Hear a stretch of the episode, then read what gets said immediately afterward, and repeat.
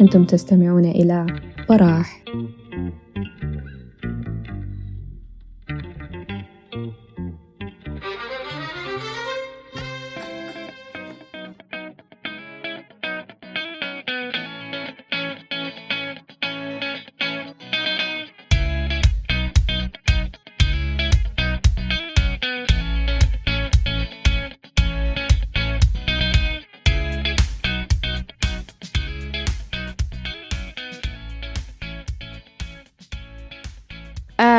السلام عليكم. مرحب بكم. يا أهلا بكم في جلستنا الليلة من ضمن جلسات براح الصحية. في جلستنا الليلة حابين نتعرف على الواقع الغذائي بتاعنا في السودان. آه الوضع عامل كيف؟ مطمن ولا مخوف؟ المتحدثة اللي حتكون معانا الليلة آه هي أخصائية تغذية علاجية حاصلة على درجة الماجستير. في التغذية العلاجية وهي أكثر مهتمة بحالات السمنة والتغذية في السودان وفي الوطن العربي. هي بتشتغل في المملكة العربية السعودية عندها عدة أوراق علمية منشورة وعندها عدة حلقات في بودكاستات عن التثقيف الغذائي. نرحب بإسلام. يا أهلا يا إسلام. آه، مرحبا بك تسنيم وشكرا للتعريف الظريف وسعيدة أن أكون معاكم الليلة. ومرحبا بكم كلكم المستمعين في سيرفر برح يا أهلا. آه قبل قبل ما ندخل في الجد شديد كده ونبدأ ندي أرقام وإحصائيات وحاجات آه كلام علمي كبير خلينا بس ندي في الأول لمحة عامة عن الواقع الغذائي في السودان عامل كيف. من النظرة بتاعت وزارة الصحة من النظرة بتاعت التقارير المنشورة من النظرة بتاعت المنظمات اللي تعنى بال آه، بالبحوث الغذائية. فتدينا لمحة عامة الوضع عامل كيف في السودان؟ طيب آه، بداية حابة آه، أنوه لحاجة إنه إحنا الليلة حنتكلم حنحاول نوصل لكم الصورة الكبيرة للواقع الغذائي الغذائي والتغذوي في السودان. دايرين نشوف إنه شكل النمط الغذائي عندنا عامل كيف. بمختلف آه، في مختلف الولايات في السودان. بعد كده حنمشي لقدام من حنقرأ حنشوف الإحصائيات أو الأرقام أو المسوحات. قالت لنا شنو عن الحاجة دي فيما يخص إن هي تأثير شنو أو شنو النتائج اللي ترتبت عليها. آه بعد كده برضو آه هحاول عشان الناس تقرأ يعني تحاول تستوعب الفروقات أو الأرقام دي إذا كانت آه مثلا هل هي كويسة ولا سيئة يعني سيئة ولا كانت جيدة. حنجيب تقريب مثلا لدول تانية في تجاربها في الموضوع ده أو النظام بتاع آه، عامل كيف. بس حابة بداية آه، آه، برضو تاني نقطة مهمة جدا إنه إحنا نقاشنا ده حيكون نقاش عن النظام. هي ما مساحة بتاعة كونسلينج أو استشارية يعني بس إحنا حوريكم الواقع ده في السودان. ليه اخترت النمط الغذائي؟ ليه؟ لأنه النمط الغذائي هو في عادة أو dietary pattern. هو بيديني آه بيعكس لي آه الواقع الغذائي أو التغذية من ناحية طبيعة من ناحية كمية من ناحية نفس الجودة برضو من ناحية نسب. آه بيديني برضو يعني أي حاجة اللي متعلقة من في الغذاء من ناحية حاجة يا إما شراب أو من ناحية شيء بتاكل أو food أو drink نظرة عامة على الملف أو آه، على واقع السودان الغذائي في في في على حسب تقرير الفاو في 2005 آه، أول حاجة السودان دي مصنفة أو هي تعتبر دولة آه، فقيرة أو حتى لو جينا قلنا مثلا هم بسموه اللي هو ال lower middle developed country. عندنا في السودان أكثر من 90% من السكان بيعانوا من الفقر وانعدام الأمن الغذائي. عندنا من تلتين السودان هم ساكنين في الأرياف. عندنا بس مجرد تلت آه، السودان هو في يعتبر متمدن. غير كده فهو يعتبر من الأرياف. المشكلتين دي نخطهم في الحسابات بتاعتنا نخطها في في في راسنا وإحنا ماشيين لقدام بنشرح الأسباب. ليه؟ لأنه المشكلتين دي خلقوا لي مشاكل أكبر منها. في من ناحية اللي هو آه، هي بتأثر على النمط الغذائي في في بشكل ف لما نجي مثلا نشوف إنه طيب الحاجتين دي ممكن سبب يكون. يعني سببت لي شنو برضه لقدام إنه خلقت لي عندي آه آه هي ال deficiency أو العوز أو الحوجة ل micronutrients أو للمغذيات الصغيرة تمام حابة أنبه برضو لنقطة مهمة جدا إنه في مصطلحات آه أنا حط يعني بعتذر منكم. حاضطر استخدمها باللغة الإنجليزية وححاول أترجمها لكم في نفس الوقت. ليه؟ لأنه آه الترجمة العربية بتكون ما بتكون آه آه يعني كده دقيقة. لكن المهم ححاول إنه أنا أوصل لكم الفكرة. طيب آه في حاجة اسمها micronutrients و macronutrients micronutrients هي المغذيات الدقيقة ال micronutrients وال macronutrients اللي هي المغذيات الكبيرة اللي هي تشمل لي آه اللي هي عندنا البروتين الدهون ال ال الكربوهيدرات تمام اللي هي النشويات بشكل عام. لما نجي نتكلم عن micronutrients اللي هي نتكلم عن vitamins وكل الحاجات اللي هي الصغيرة آه يعني أملاح معادن vitamins دي كلها. آه فلما نجي نشوف السودان الفقر والعوز الحاجة اللي حصل دي أدت لي لأنه يكون عندي عوز في ال micronutrients في المغذيات الصغيرة والمغذيات الكبيرة. طيب الحاجة دي يكون أسبابها شنو؟ ليه أصلا إحنا فقيرين؟ ليه مثلا ليه سبب لي عدم الأمن الغذائي؟ ليه إحنا عندنا السودان عانى بسبب الحروب؟ في فترة ما في جزء منه كان الحروب. في عندنا الوضع الاقتصادي اللي هو اتخلق بسبب الإشكالات السياسية بسبب الإشكال بتاع إنه عندنا مثلا حتى البنية التحتية في السودان هي عاجزة إنها هي توفر لي تعمل لي على استقرار الأمن الغذائي في السودان اللي هي مثلا المشاكل اللي هي حتى الثقافية أو التعليم برضو داخل لي لاعب دور في إنه هو يأثر لي على المشكلة بتاعت التغذية في السودان. فدي كلها عوامل بتخلي إنه وي uh, uh, لازم ننظر لها بعين الاعتبار عشان إذا كان عندنا أي إشكال ناتج بسبب ناتج في في في في النمط الغذائي السوداني لازم الحاجة دي تتعالج عشان نقدر نصلح النمط الغذائي في السودان. According أو اعتمادا اللي في كان في مسوحات اتعملت اللي هي حاجة اسمها National Food Balance Statistics تمام اللي هي الإحصائيات الوطنية اللي هي بتقيس بتقيس لي الفود بالانس أو التوازن الغذائي قالت إنه في السودان أغلب السودانيين معتمدين على البقول الحبوب ال cereals السودان بطبيعته دولة زراعية بينتج حتى في الإنتاج تقريبا كم 40% من الإنتاج بيكون للمنتجات الزراعية. الاستهلاك الداخلي للفرد السوداني معتمد بشكل كبير على ال cereals أو الحبوب. آه بعد كده لما نجي نعاين آه كاحتياجات للطاقة بنلقى ده المصدر الرئيسي.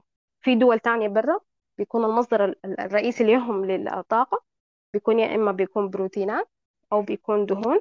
آه مثلا عندنا في أمريكا المصدر الغذائي الأكثر حاجة اللي هو consume الكربوهيدرات بشكل عام. بعد كده بتجي البروتين بعد كده بيجي دي من ناحية macronutrients لكن بيعتمدوا أكثر حاجة على اللحوم. لكن في السودان إحنا عشان دولة زراعية فإحنا نباتيين إحنا ماشيين مع الترند بالضرورة الاقتصادية. آه ودي هي بتغطي لنا أغلب احتياجاتنا من الطاقة. آه عندنا برضو من ناحية الخضروات آه الخضروات عندنا هي ما رئيسية لكن بيتم آه تغطية الح... الحاجة دي برضو مع المنتج اللي هو الملك أو المنتجات الديري برودكتس أو المنتجات الألبان خصوصا الحليب برضو بنستهلكه. استهلاكنا للحوم بشكل عام في السودان استهلاك ضعيف جدا مقارنة وحأجي بعد شو بعدين حأذكر لكم حنتكلم عن ولاية كذا ولاية حجيب لكم أمثلة والاستهلاك بتاعها بناء على بحث اتعمل آه برضو حاجة تانية إنه إحنا في السودان منتشر عندنا بشكل كبير الحاجة اللي هي under nourishment أو ال under nutrition أو التغذية سوء التغذية بشكل عام منتشر عندنا خصوصا في الفئة العمرية اللي هي بتكون أقل من خمسة سنوات اللي هي دي الفئة العمرية الصغيرة فإحنا بننتشر عند الكلام ده كله طبعا data آه كلها جاية من آه مسوحات زي ما ذكرت سابق الحاجة المهمة جدا إنه إحنا برضو لما نيجي نتكلم عن ال data إحنا ما عندنا آه يعني بيانات حقيقية أو بيانات actual واقعية بتوضح لي الاستهلاك الفردي للسودان. يعني الفرد السوداني بيستهلك قدر شنو مثلا؟ من ال آه من القمح من اللحم من مثلا الألبان. ما عندي ما عندنا أرقام بتفصل لي الاستهلاك السوداني بشكل عام. دايما الأرقام بتاعتنا بتوضح لنا بالهاوس هولد أو بالبيت. يعني كل الأبحاث أو الدراسات اللي بتتعمل بتقول لي مثلا عندي كذا هاوس هولد أو بيت منزل تمام؟ بيستهلك مثلا لقيناهم آه، آه، مثلا 60 بيت لقينا إنهم بيستهلكوا آه، مثلا بتاعت كده من اللحوم بيستهلكوا بتاعت كده من اللحوم. لكن ما عندنا national survey لل individuals بشكل عام استهلاك فردي في السودان ما عندنا الأرقام دي.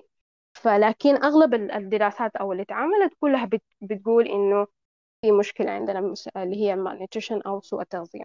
بين الأطفال الحاجة دي خلقت لي أمراض زي الحاجة اسمها الهزال والتقزم آه، ودي نسبتها منتشرة بشكل كبير في السودان.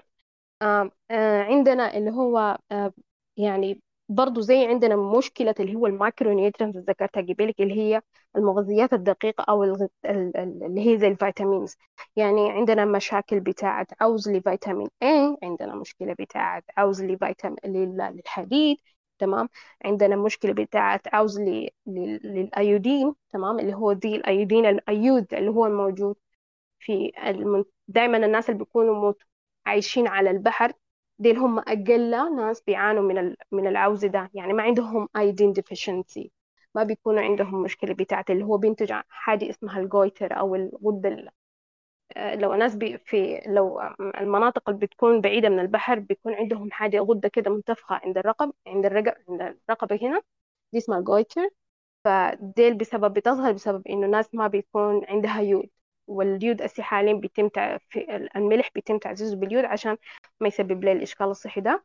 فكل إحنا ما دخلنا جوا من السودان بعدنا عن البحر الأحمر ودخلنا جوا بنلاقي إنه الحاجات دي بتكون متوفرة. ما بيستهلكوا أسماك. يعني ما ناس ما عندهم مصادر للأسماك ما عندهم اللي هو الملح اللي بيكون فيه بيود فدي بشكل عام بشكل عام تصور عام على الملف السودان بالنسبة لل nutrition ممكن بعد كده مع الكلام معك يا تسنيم ندخل في التفاصيل نقطة نقطة لحد ما آه، الناس تستوضح لها أو توضح لها الفكرة تمام تمام. أتمنى إنه تكون وضحت الفكرة للناس اللي معانا طيب خلينا طيب نبدأ نتكلم عن الواقع الغذائي بتاعنا حسب المناطق في السودان. كل منطقة عندهم شنو ما عندهم شنو الناقص شنو الفي شنو؟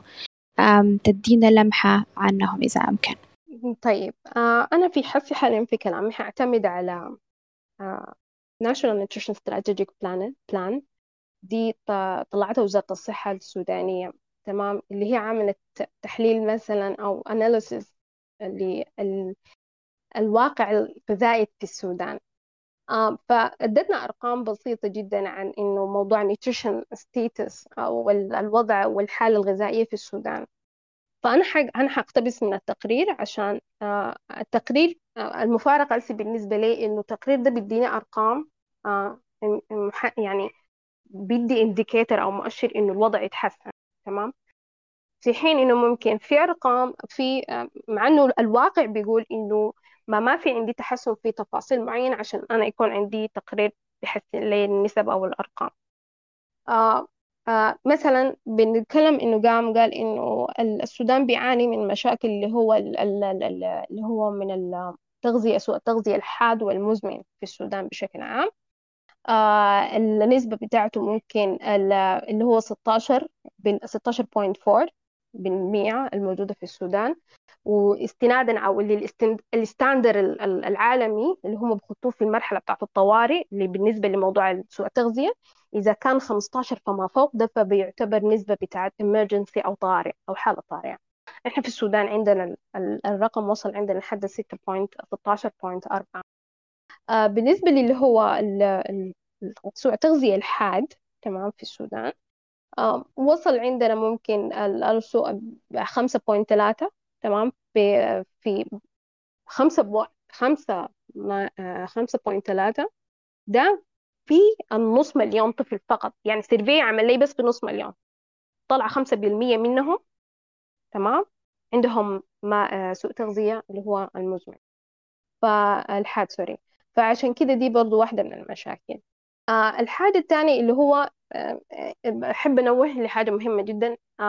التركيز كله دايما بيكون على فئتين. في لما نجي نتكلم عن مسوحات تغذية أو مثلا نجي نتكلم عن حالة تغذوية أو غذائية في أي دولة دائما التركيز بيكون على فئتين. أكثر حاجة اللي هي فئة الأطفال under five لأقل من خمسة وعندنا الفئة بتاعت اللي هي النساء في فترة الحمل والرضاعة. ديل هم أكثر فئتين اللي بيدوني indicators لإنه الوضع الصحي هل هو كويس ولا لا. ليه؟ لأنه عندي طفل أقل من خمسة آه، سنوات أنا أنا بكون خايفة عليه إنه هو ما ياخذ يتلقى آه، غذاء مناسب. ليه؟ لأنه ما حيكون stunting أو wasting أو ما عنده هزال أو التقزم اللي هو بيحصل بسبب سوء التغذية فعشان كده دايما التركيز في إنه لما نيجي في أي survey بنلاقي إنه دايما الأرقام دي بتكون عندهم آه، مهمة جدا. عندنا من واحد من كل عشرين طفل سوداني بيعاني من سوء التغذية والحاجة دي بتخطه في آه، في at risk أو high risk أو في خطر متزايد للوفاة أو الموت. عندنا 35% من الأطفال أقل من خمس سنوات كانوا يا إما يعني مطو... يا في وسط أو في وضع وسط أو حال اللي هو يكونوا في في هزال. الهزال التقزم سريع. اللي هو بيكون الزول التقزم اللي هو زي ما يقولوا أصلا طوله أص... بيكون قصير مقارنة بالعمر بتاعه. آه، بعدين كده لما نجي نتكلم عن الستيت أو الولايات بالنسبة للأطفال اللي هم كانوا بيعانوا من التقزم كانوا أكثر نسبة كانوا موجودين في كسلة كسلة دي بالمناسبة واحدة من الولايات الحقيقي بتعاني يعني كل آه، آه، أغلب الدراسات اللي بتتعمل والمسوحات اللي بتكون في في كسلة بتدينا أرقام خطيرة جدا حمراء. وأنا حوريكم الأسباب شنو. في واحدة من البحوث اتكلمت عن الموضوع ده. يعني مثلا زي ما قلنا لكم التقزم في الأطفال كان في كسلة كان أعلى نسبة نسبة 55% وأقل نسبة كانت في ولاية الخرطوم كانت 20% آه الحاجة الثانية لما نجي نتكلم من ناحية التمدن والأرياف بنلقى إنه الحاجة دي كانت موجودة اللي هي مثلا اللي هو التقزم كانت في أكثر حاجة في ال rural ال rural areas أو الأرياف كانت بنسبة 38.7 uh, 38.7 والحاجة الثانية اللي هي في المدن كانت 25% ثلاثة. بالنسبة لو نجي نتكلم عن مسألة الأطفال الأولاد أو البنات أو الإناث بنلقى إنه آه هي أصلا موجودة آه يعني النسبة متقاربة ما بعيدة شديد بين الأولاد والأطفال. البنات أو البنات والأولاد 37.4 في الأولاد بنلقاها 32% 32.6 في البنات. الحاجة الثانية إنه لما نجي نتكلم عن النسبة بتاعتها أو الاختلاف اللي هو النسبة بتاعت التباين بين الحالات دي في الولايات بنلقى إنه مثلا ال population varies between آه، خرطوم لقينا إنه المشكلة دي في 15.6 في خرطوم و 49 في اللي هو بالنسبة للبنات. كويس؟ نلقاه إنه في 15.6 15.6 في الخرطوم و49 في كسلة. آه بالنسبة للسوء ال underweight أو سوء التغذية لما نجي نتكلم عن موضوع سوء التغذية بنلقى إنه هي severely آه سوء التغذية في الولايات كانت أكثر حاجة في الأرياف بنسبة 35% مقارنة باللي هو المدن آه 23.6 لما نجي نتكلم عن مسألة الأرياف ليه مثلا دائما إحنا بنعاني من مسألة الأرياف؟ ليه الأرياف؟ الأرياف بسبب مشاكل منها الثقافة أو التعليم. تمام؟ دي واحدة من المشاكل بتسبب لي آه إنه الناس بتكون النمط الغذائي بتاعها متغير بسبب التعليم. عندنا في حاجة اسمها تابوز اللي هي ال ال ال الأفكار أو الشائعات الغذائية مثلا بتكون منتشرة في في في مناطق. التعليم فيها يكون ضعيف أو نسبة الأمية عالية. بالتالي دي بتنتشر بيناتهم ثقافة غذائية خاطئة جدا. مثال بسيط عندنا لما في ثقافة أنا أفتكر إنه أغلبكم بيكون الحاجة دي مرت عليه اللي هم بيقولوا إنه مثلا الطفل لما يأكلوه بيض بيكون بيحصل له صمم أو حاجة زي كده. في حين إنه البيض ده مصدر غني جدا للبروتين. يعني أنا عندي طفل الآن أقل من خمسة أديه البروتين والبيض مصدر حيوي جدا وممتاز جدا فيتامينز وحاجات كثيرة مغذية للطفل. فلا في مناطق بتشوف إنه الحاجة دي بتسمم له الصمم أو المشكلة دي فبالتالي بيمنعوهم من ال من ال من البيض فبالتالي بيسبب لي إشكال بعد كده اللي قدام في مسألة النمو للطفل ده. فواحدة من الحاجات زي ما ذكرنا بالنسبة للمناطق الأرياف إنه الثقافة الغذائية بتكون بتاعتهم اللي هي مرتبطة بمسألة التعليم. آه الحاجة الثانية اللي هي المسألة بتاعت إنه البنية التحتية. يعني في الأرياف ما بفتكر إنه عندهم البنية التحتية بتوصل لهم اللي هم الأغذية اللي هي بتكون مفيدة بالنسبة لهم. يعني بنلقى إنه حاجة اسمها الفود accessibility اللي أول وصول للغذاء بيكون عندهم ضعيف. ليه؟ لأنه ما عندهم البنية التحتية ما عندهم مثلا الوسائل بتاعة التخزين داخل الهاوس هولد أو داخل البيت. وفي نفس الوقت المنطقة نفسها ما بنلقى عندها اللي هي المناطق بتاعة التوزيع. يعني أنا بفتكر إذا جاء إحنا جينا نتكلم عن مثلا مواد غذائية مجمدة أو حاجة زي كده دي حتحتاج وسائل بتاعة تخزين الحاجة دي. لو ما هي ما موجودة عندي في ال في في الحتات دي ما حيقدروا يجيبوا المواد الغذائية اللي هي بيحتاجوها محتاجة تخزين أو محتاجة محتاجة مثلا توزيع. ما في ناس بي بي ما في أما بنية تحتية عشان تحفظ لي أو تسيب أو تحفظ لي المواد الغذائية دي. الحاجة الثالثة برضو اللي هي مسألة الحروب. كويس.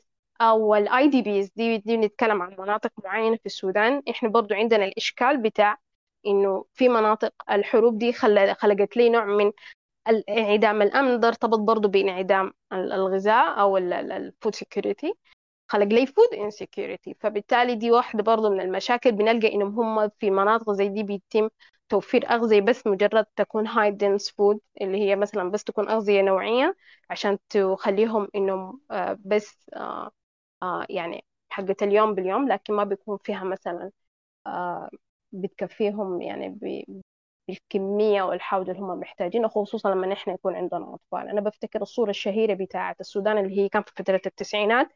الطفل اللي كان آه نحيف جدا هو كان عنده kwash آه كان البطن منتفخة وكان في الطائر ذاك ما بعرف هو صقر ولا شنو.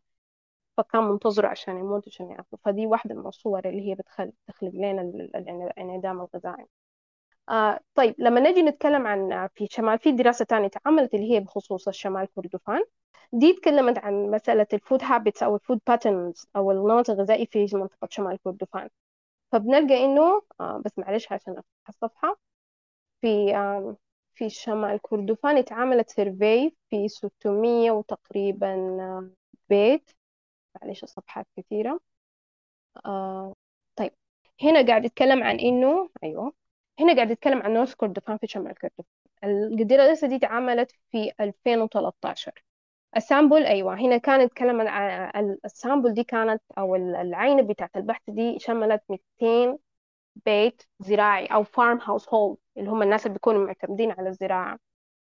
فلقى ال ال ال الناس النتيجة بتاعت ال ال النتيجة بتاعت الدراسة دي توصلت لإنه أن في المنطقة دي اللي في شمال كردفان لقينا إنه في تباين في في الاستهلاك الغذاء.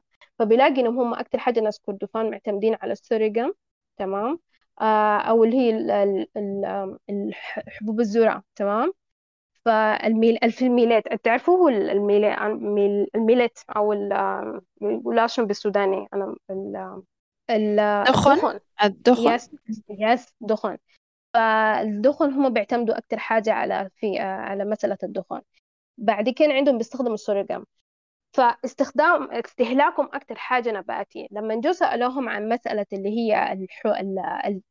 الدجاج الدواجن اللحم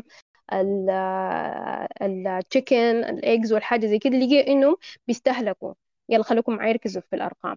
إنه بالنسبة للحمة بيستهلكوا 8% فقط.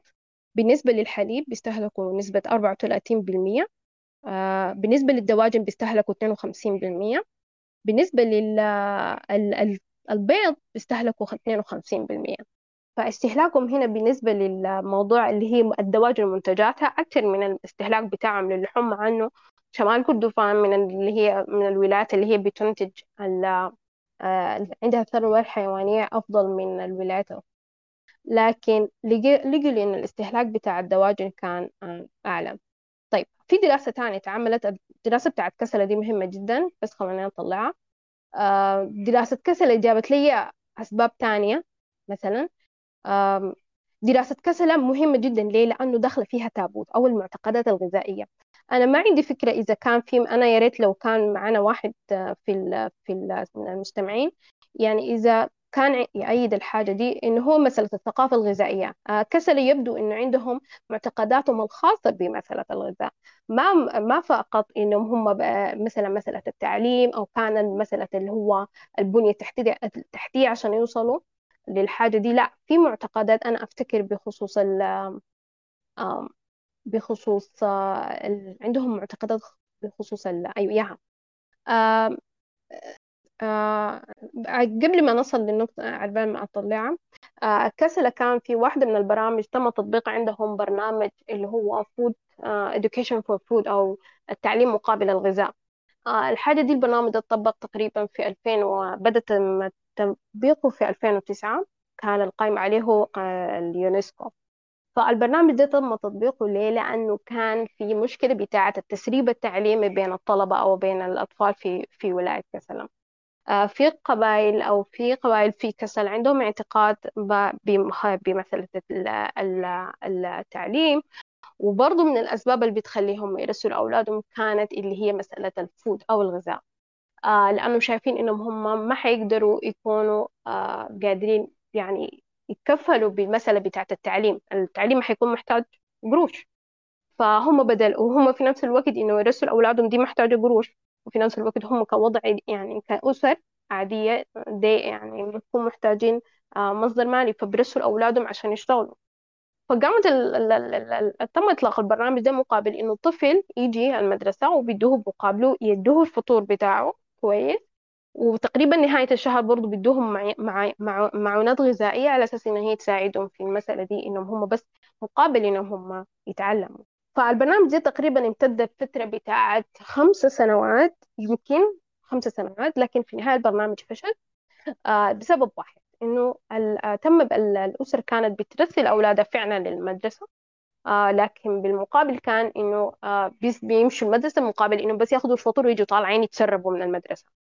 فكان البرنامج ماشي كده إنه بيرسلوهم بس عشان ياخذوا الغذاء أو الأكل وبيجوا راجعين يرجعوا لبيوتهم بيدوا الأكل ده لأسره آه وبعد كده ما بيرجعوا المدرسة تاني. فدي واحدة مثلا من الحاجات اللي هي آه، بيتم مواجهتها اللي هي الفوتابوت أو آه، في في كسلة. في شكل عام في السودان الاختلاف في في توافر الغذاء والاختلاف والتغيرات المناخية والحاجات زي كده. خلقت لي تباين بشكل عام في مسألة الغذاء أو الحاجات المتوفرة والأغذية المتوفرة في السودان. فبنلقى إنه مثلا في الذرة الذرة في سكان الريف هم أكثر استهلاكا للذرة اللي هي ليه؟ لأنه عندنا كسرة عندنا عصيدة في ناس بيست... بيست... بيكون اعتمادهم الرئيسي على العصيدة وال... آه والكسرة. آه الدخن مثلا آه والذرة برضو موجود في غرب السودان.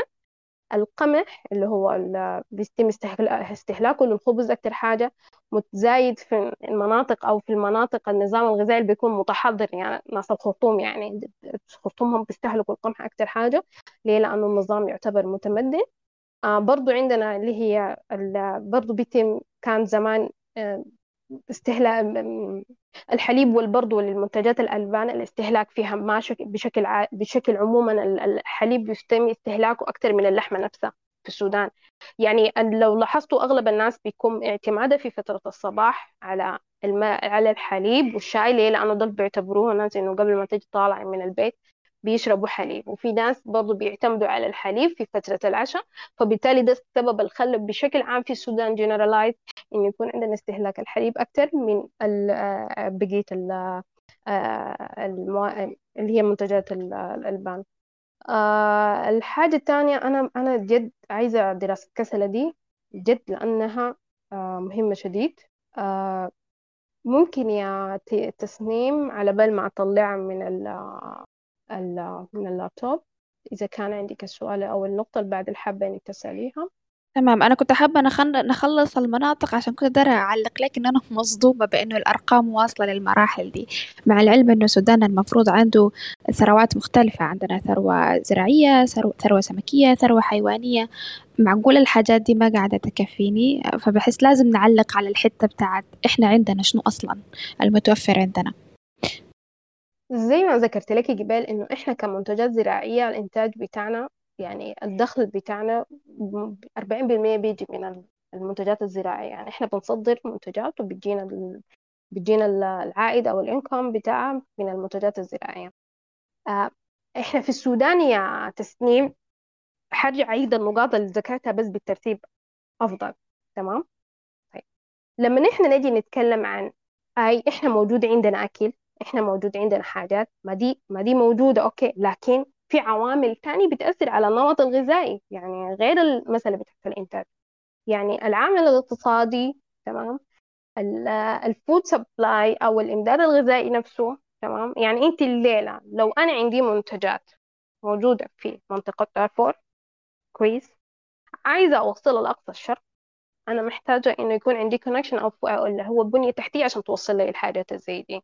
ما هو مناطق الإنتاج دي ما مختلفة. إحنا متفقين إنه الشرق مثلا الشرق عنده منتجاته الغريب عنده منتجاته الشمالية عندها منتجات المنطقة الوسطى عندها منتجاتها. فإحنا محتاجين عشان الحاجة دي يحصل distribution عادل أو food accessibility إحنا محتاجين يكون عندنا بنية تحتية عشان الحاجة دي تصل لكل زول محتاجها إحنا في السودان المعدل. الحاجة عندنا إحنا أكثر من الحاجة المتوفرة أو الحاجة الإنتاج بتاعنا ممكن يكون أقل من الحاجة المتوفرة تمام؟ عشان كده بنلاقي اللي آه ليه مثلا الناس الخرطوم ما بيكون عندهم ما بيستشعروا بالمشكلة بتاعت إنه الحاجة دي ما موجودة عندنا ما متوفرة غير ناس الأرياف. ناس الأرياف بيمثلوا نسبة كبيرة من السودان تمام؟ ناس الأرياف بيمثلوا لي زي ما قلت إنه اثنين اثنين تلتين من السودان موجودين في الريف تمام؟ والمشاكل كلها اللي إحنا بنتكلم عنها من سوء تغذية من انعدام الأمن الغذائي من من المشاكل الصحية الثانية حتى في ال groups اللي هي ال age groups أو الفئات العمرية. الحاجات دي كلها بتظهر لي في ال rural في المناطق الأرياف ما بتظهر لي في الخرطوم بشكل كبير تمام؟ أي زول الآن أنا متأكدة متخصص في أو في مجال الطبي لما يمشي المستشفى معظم الحالات بتجيني من من من من بتجيني من الأرياف ما بتجيني مثلا آه، يعني حالات مثلا cases بتاعت سوء تغذية يجيني زول مثلا ساكن في لسه منشية. نو no. فليه؟ لأنه الأرياف عندهم المشاكل بتاعت التعليم. ما في تعليم ما في بنية تحتية عشان يصل لهم الأغذية بشكل كبير. آه العامل الاقتصادي برضو بيلعب دور كبير جدا. آه ليه؟ لأنه في النهاية هم حساباتهم للمادة الغذائية اللي هم عايزين يشتروها بتكون غالية عليهم بالنسبة لهم لأنه دي ما مناطق إنتاج. يعني هم الليل في الزول في الريف ده ما بيجي بيشتغل الشغل جوا الريف ما بيشتغل مثلا الشغل الإنتاجي بتاع زول في المدينة. الزول اللي بياخد بيكون في المدينة مرتبه بيكون أعلى من الزول اللي عايش في آه في الريف. كويس؟ الحاجة الثانية إنه المواد الحل زي ما ذكرت إنه household اللي بيكون في الريف ما بيكون مثلا كلهم عندهم رفاهية الثلاجة عشان يحفظوا فيه ال food ويكون معاهم لفترة طويلة. عكس مثلا البقوليات أو الحاجات اللي هي sorghum أو الحاجات اللي زي كده الدخن اللي كده دي كلها مواد جافة. فممكن تتحفظ في في في, في, في ما تحتاج الظروف بتاع حفظ أعلى زي مثلا إنك تجيبي لك سمك. السمك أعيد تجفيفي اللي هو الظهر اللي هي مثلا في الفسيخ وزي كده لكن ستيل محتاجة إنه هي تكون في آه يعني ما كل الناس ممكن يتحصلوا على الفسيخ. مثلا في ولاية النيل الأبيض اللي هو عندهم النهر الفسيخ منتشر عندهم عكس مثلا آه مناطق ثانية ف this is all يعني دي بتأثر عليه في مثلا ناس ال World Atlas خلينا أكتب اسم الحاجة زي منهم. يعني بيقولوا إنه مثلا ال economic development يعني التطور الاقتصادي برضه بيلعب دور أو مرتبط ب ال food supply أو بالإنتاج الغذائي.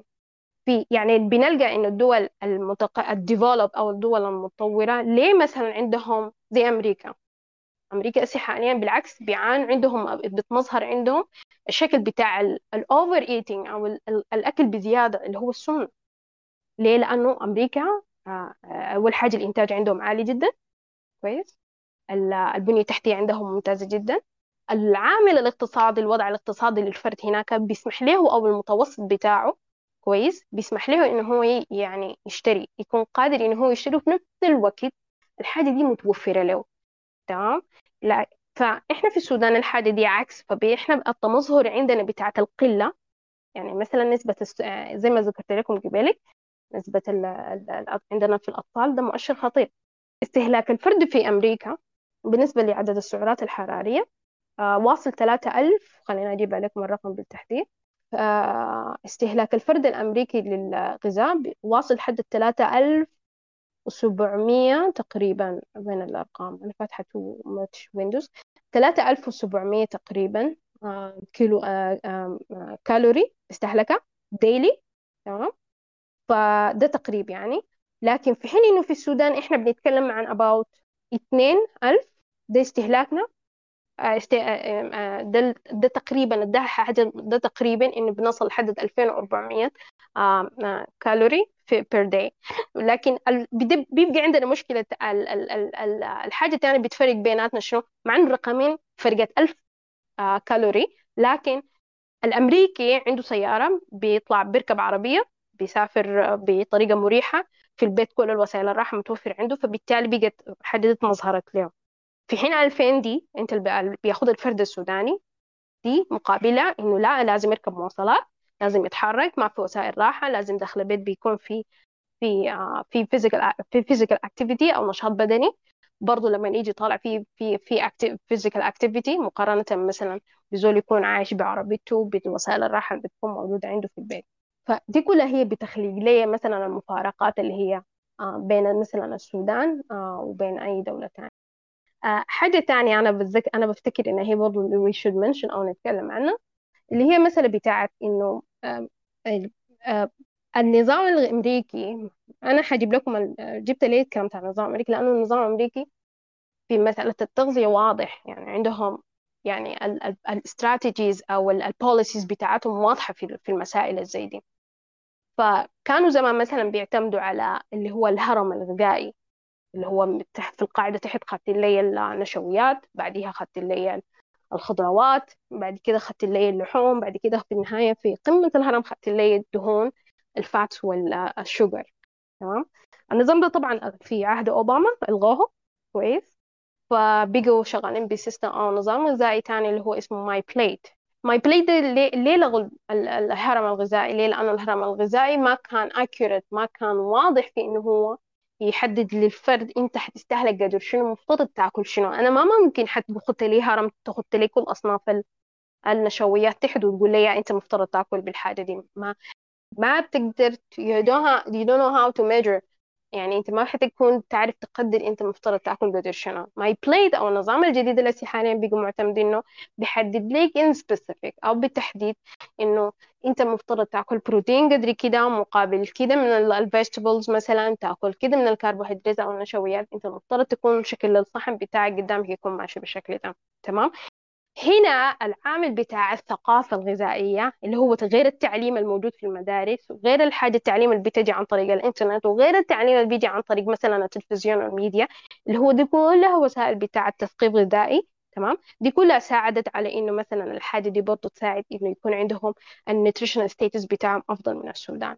وده عكس الكلام الحاصل عندنا إحنا في السودان زي ما ذكرت إنه إحنا عندنا لحد الآن ولايات بيكون عندها معتقدات غذائية تجاه الأغذية فبالتالي هم ما بيستهلكوا أغذية حيوية وبالتالي ده بيخلق لي نوع من الامبالانس من آه، في في التغذية وبالتالي ده يحديني باتن أو نمط غذائي غلط وبالتالي ده حيديني اللي هي التمظهر بتاع المشاكل الصحية اللي هي أنا ذكرتها سواء عندي macronutrients deficiencies أو macronutrient deficiencies اللي هي موجودة سواء vitamins ولا عندي أطفال متقزمين أو حتى بين فئة الشباب.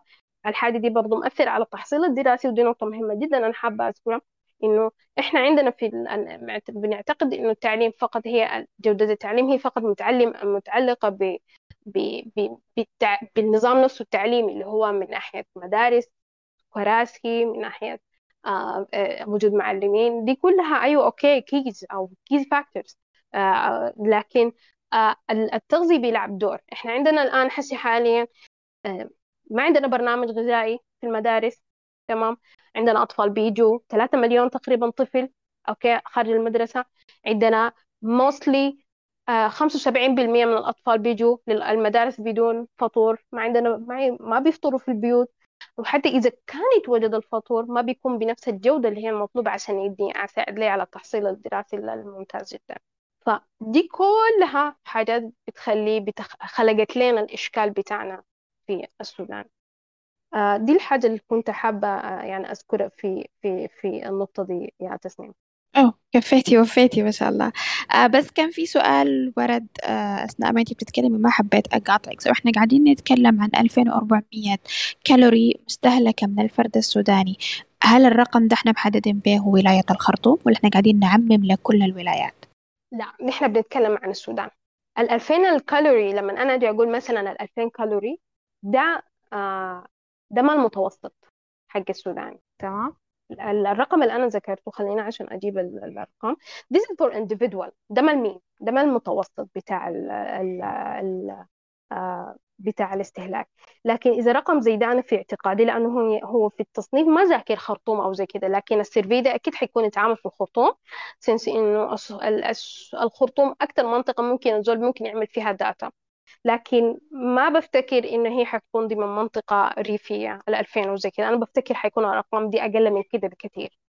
فبإجابة عن هذا السؤال أنا في اعتقادي لأنه الأرقام الآن اللي أنا ذكرتها دي جاية من مصدر وضح السودان لكن ما حدد exactly where أو يا تفرد في السودان. تمام؟ وبناء على المنظور بتاعي من my perspective تمام؟ شايفة إنه الحاجة دي حتكون لفرد الخطوم. ما فرد الزول موجود لي في الأرياف. ليه؟ لأنه زي ما ذكرنا الأرياف دي مشكلة كبيرة جدا. تمام؟ الزول الخرطوم ده مترفه مرفه جدا. فما بفتكر إنه آه حيكون عنده مشكلة إنه هو يتحصل على الثلاثة ال 2000 كالوري دي. ما ما فيها مشكلة. آه حاجة تانية ده أقول لكم ما تتخلعوا بال 2000 كالوري دي. يعني ال 2000 كالوري دي مجرد رقم بتاع طاقة لكن ممكن الزول يستهلك نص الحاجة دي يكون من مصدر junk food أو حاجات مو junk food من من مصادر ما بتكون nutritional value. يعني ممكن الزول يعني ياكل أي لكن ما بتكون مغذية بشكل صح ما بتكون مغذية. يعني استهلاكه ده حيكون مثلا من اللحوم ما بفتكر. معدل استهلاك الفرد السوداني للحوم تقريبا أربعة كيلو في السنة. وكده the last survey كانت عامل في الفرد الأمريكي بالمناسبة بيستهلك آه، قرابة قرابة يمكن أقل من 100 كيلو في السنة بيستهلك من اللحوم الفرد السوداني بيستهلك بتاعت حكاية بتاعت 40 كيلو خمس يعني sorry آه، أقل من 10 كيلو في السنة ده ده. ده المتوسط بتاع الفرد السوداني فإحنا ال 2000 لما نجي نتكلم عنها دي لازم نشوف هي جاية شنو ال 2000 دي شنو أصلا؟ تقسيمها شنو؟ ودي ما عندنا أرقام عنها ما عارفين الفرد السوداني بيستهلك قدر شنو. دي كانت تقديرات بتاعت آه، آه، ما بذكر المصدر لكن دي التقديرات بتاعت آه، survey خارجي فهم عملوا الحاجة دي فختوا الليستة في السودان. السودان اللي هو أقل من 10 كيلو في السنة. العشرة كيلو دي شاملة لأنا آكل لحمة دجاج وسمك في السنة في السنة. يس ده المتوسط. والله والله يا إسلام الواقع مخيف. الواقع مخيف يا إسلام. لأنه أنا السودان السودان أنا ذكرت في بداية حديثي السودان ده بلد بالاقتصاديا النباتي يعني الاقتصاد الوضع الاقتصادي خلاه يكون نباتي. كويس؟ ليه؟ لأنه إحنا معتمدين أكثر حاجة على البقوليات معتمدين على الكسرة العصيدة حتى الملاحات دي يعني ما تعتبر إنها هي nutritional value شديد. كويس؟ حتى بالنسبة للعصائر أنا ما بفتكر إحنا عندنا الرفاهية بتاعت إننا إنه الفرد السوداني إنه مثلا يشرب عصير fresh every day تمام؟ ما عندنا الرفاهية دي يعني دي حاجات موسمية. وما كل الناس بيكون عندها. زي ما ذكرت إنه التريف اللي عندنا الموجود ده هو خلق لي النمط الغذائي أو خلق لي الخلل ده. الأرياف هي اللي خلقت الخلل ده. التمدن آه، ضرورة لأنه حيعالج لي حاجة حاجات كثيرة من المشاكل دي. okay؟ آه برضو أنا أنا متك... أنا بس حاسة مصرة تماما إنه الليلة ما حقفل معاكم إلا أحكي لكم أو أوريكم ال survey بتاعت كسلة دي. لأنه because it's very um... yes لقيتها. yes يلا. آه بيتكلم عن كسلة إنه هم مسكوا آه ال survey أو ال descriptive survey yes آه اللي هو مسوح مسوح عملوها ل 403 بيت آه في في كسلة آه الجمع عملوا questionnaire ووزعوه النتيجة كانت كالآتي.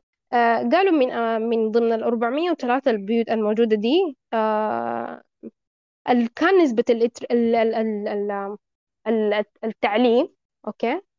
أو الأمية كانت بنسبة 93.3% تمام؟ كان نسبة الأكثر الناس اللي هو كان المصدر بتاع الإنكم أو المصدر الدخل كان جاي من اللي هو الفحم والحطب وزي كده. كان ده المصدر الرئيسي بتاع 66 بالمية 66.6 بالمية من ال 403 ديل آه بياكلوا ثلاثة three meals بياكلوا بيستهلكوا ثلاثة وجبات خلال اليوم. آه كان نسبتهم 83.4 ديل كانوا بيقولوا إحنا بناكل ثلاثة وجبات في اليوم. okay ثلاثة أرقام حلو. لكن شوف اللي بعدها لكن بيعتمدوا بشكل عام على البقوليات أو البقوليات اللي هي ال cereals أو القمح أو الحبوب. آه بالذات الذرة في الشكل بتاع الكسرة والعصيدة. طيب الحليب ومنتجات الألبان كانت أكثر استهلاكا في في في في الفطور وفي ال dinner وفي العشاء تمام؟ واللحم كان بيستهلك بنسبة يلا اللحم كان بيستهلك بنسبة سبعة وستين point سبعة وستين point سبعة من ال 403 هاوس هولد اللي دخلهم في العينة. لكن بيستهلكوها كم؟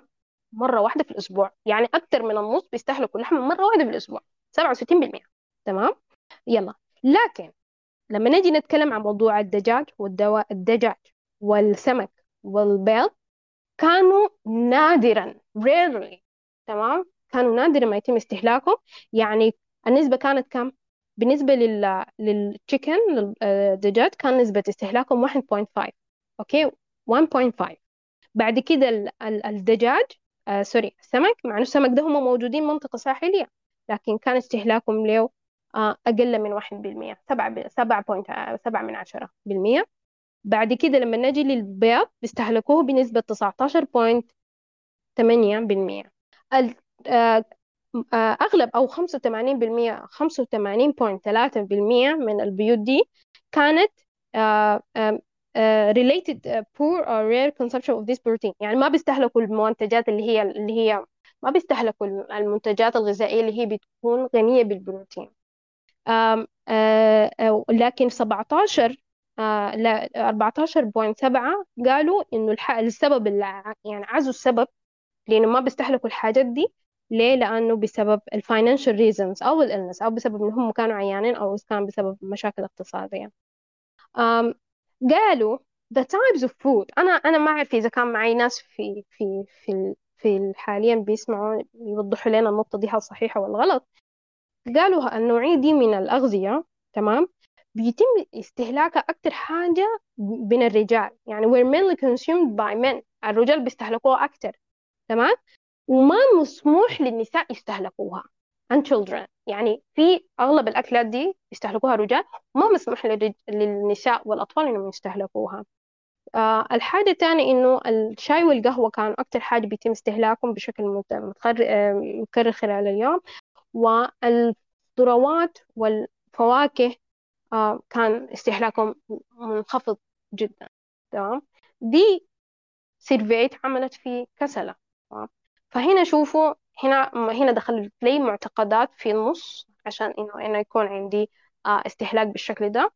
دخل عندي وضع اقتصادي دخل عندي تعليم تمام؟ دي كلها أثرت لي على النمط الغذائي في منطقة آه، كسلة أو في شمال معلش يا إسلام الدراسة دي اتعملت باي آه، باحثين من برا السودان؟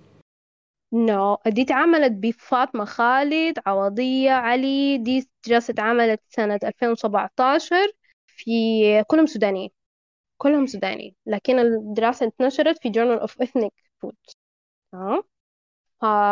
this is الدراسة اتعملت سودانية local original article.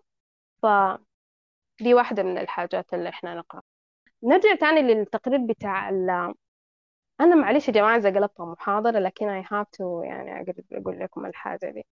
فالتقرير بتاع وزارة الصحة السودانية أو اللي هو بما يتعلق ال nutrition status في السودان أو الوضع الغذائي في السودان اداني أرقام أنا بالنسبة لي شايفة إنه ما قادرة أفهمها إنه ليه هي مثلا الواحد ما يكون أي سوداوي لكن في نفس الوقت I just I don't know إنه ليه تعملت. يلا فجينا نتكلم عن إنه أي هنا أتكلم. آه لما نيجي نتكلم عن إنه indicators show prevalence of this um, malnutrition تمام؟ نتكلم عن سوء التغذية. الأطفال لا آه، هنا الحاجة دي. آه، فالأرقام بتاعت ال طبعا برضو واحدة يا جماعة برضو من المشاكل اللي هي برضو بتأثر على النمط الغذائي أو بتخلق لي نوع الإشكال دي اللي هي المشاكل اللي هو ال ال ديز أو أو لا لا this is communicable. اللي هي مثلا مشاكل الإسهال مثلا اللي هي بتجي من سوء عند بين بين الأطفال. يعني مثلا في مشاكل تظهر في بين الأطفال فبيتم المعالجات دي بشكل بلدي فبالتالي دي بتخلق لي برضو واحدة من الإشكال اللي هو سوء التغذية بشكل عام في السودان. أيوة. كتبوا the food intake أو ال ال ال ال food intake food intake اللي هو تناول الغذاء ده. According لل في مسوحات اتعملت في 2010 إن ال food في السودان استهلاك الغذاء بقى good يعني بقى أفضل. قالوا 99% of the households أو في المنازل في السودان house um, have acceptable food consumption score يعني وصلوا لل score بتاع استهلاك غذائي ممتاز جدا. النسبة وصلت من بين 77% في في في غرب دارفور. ل 99% في ولاية نهر النيل. آه نصف البيوت في في في الولايات دي آه وجدوا إنهم استهلاكهم للأغذية وصل لحد التسعين بالمية.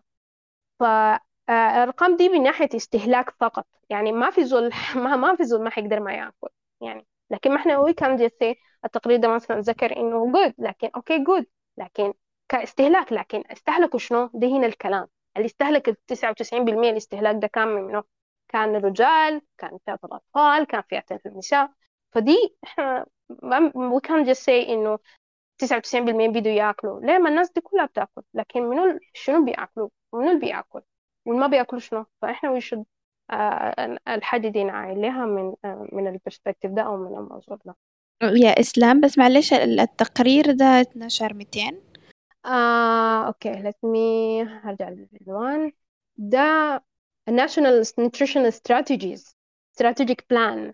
ده اتنشر في أغسطس 2014 لكن هي الاستراتيجية دي اتعملت ل 2014 ل 2025 يعني هي strategic plan حسي حاليا هم بيتكلموا عن ال review بشكل عام من 2014 2005 review بتاع من 2014 لكن تحت عندهم plan ممتدة لحد من 2014 لحد 2025 ده كان strategic plan between uh, uh, وزارة الصحة السودانية أيوة Federal Ministry of Health السودان uh, ومعاهم um, plan has been developed with the stakeholder and multiple principles I did وزارة الصحة السودانية اللي هي أنتجتهم أو فعليا فعليا الأرقام دي اتجمعت اتجمعت قبل 2014 واتنشرت 2014 آه باعتبار إنه هي دي الخطة حقتنا من 2014 ل 2025 لكن أنا لما أجي أقارنها بال بال بالتقارير حقت أمريكا مثلا اللي هي من 2020 ل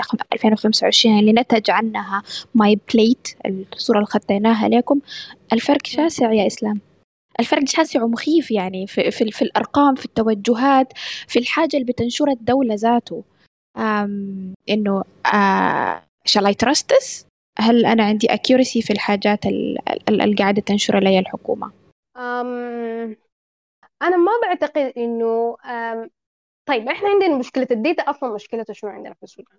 إنه ال cost بتاع ال data نفسها عشان إحنا to gather ال data عندنا الإشكال بتاع إنه أنت نفسك حتصل لهم يعني حتجمع منهم العينة دي منو؟ ما أنت ما ممكن تجيب لي ناس الخرطوم ال circle بتاع الخرطوم وتقول لي this is Sudan this is not Sudan.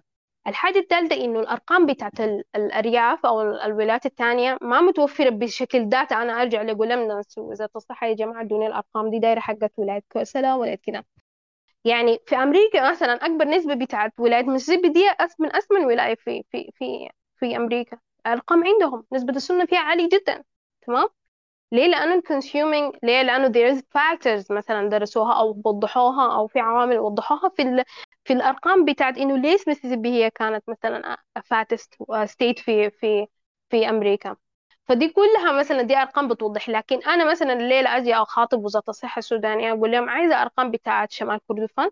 حيقول لي ما عندي أرقام شوفي البحوث. أرجعي يكون مرجعيتك بحوث سابقه okay؟ Previous studies بيعملوها ناس مثلا يكون عندهم آه، بيكون عندهم يهو بحوث الماجستير كان عندهم paper دارين ينشروها. فدي بتكون مجهودات فردية. ففي دي إحنا بنعتبرها آه، مضطرين إن إحنا نستخدمها ك as مرجعية. تمام. آه عندنا أرقام مثلا بتاعت الناس المصابين بالسكري تمام. السمنة ما ما نمشي بعيد. السمنة تمام. آه عندي يمكن يكون عندي ثلاثة أربع أرقام. وزارة الصحة السودانية ما ادتني رقم معين في النسبة بتاعت السمنة. أنا لكن برجع لي مثلا الدراسات السابقة بشوف إنهم هم عملوها. حضطر إنه أنا أستخدم الدراسات السابقة عشان أنا أعتمد النتيجة. حتى مرات بالمناسبة في surveys أو أو في أرقام بتظهر في أرقام أمريكية أو في بحوث أو في إحصائيات بتكون مثلا في ال foreign websites بتعتمد على الدراسات دي في الدوب ديسكورد تحت تقول أنا مرجعيتي عشان أجيب لكم الرقم ده ما هي يعني مثلا أنا لو درى مثلا ناس أتلس الموقع بتاع أتلس data ديل ما حيمشوا ينزلوا لي السودان عشان يعملوا survey لا حيمشوا يعملوا بحث لل published researches وزي كده. فبيقوموا يعمل معاهم طوالي بيجيبوا الأرقام بتاعت ال article بيجيبوها بيستخدموها وبيقوموا بيعملوا لها reference فانه كون إحنا نعتمد على أرقام يعني منو زي كده دي محتاجة إنه ينزل يبحث. تمام؟ وفي نفس الوقت أنا اي كانت ريلي ما بقدر أعتمد على أرقام وزارة الصحة في وزارة الصحة ما وفرت لي أرقام في كل الحاجات فأنا حاعتمد على مصادر بديلة عشان أنا أتكلم عن الموضوع. من ناحية إنه أنا شد حتى من ناحية الثقة هل أثق فيها؟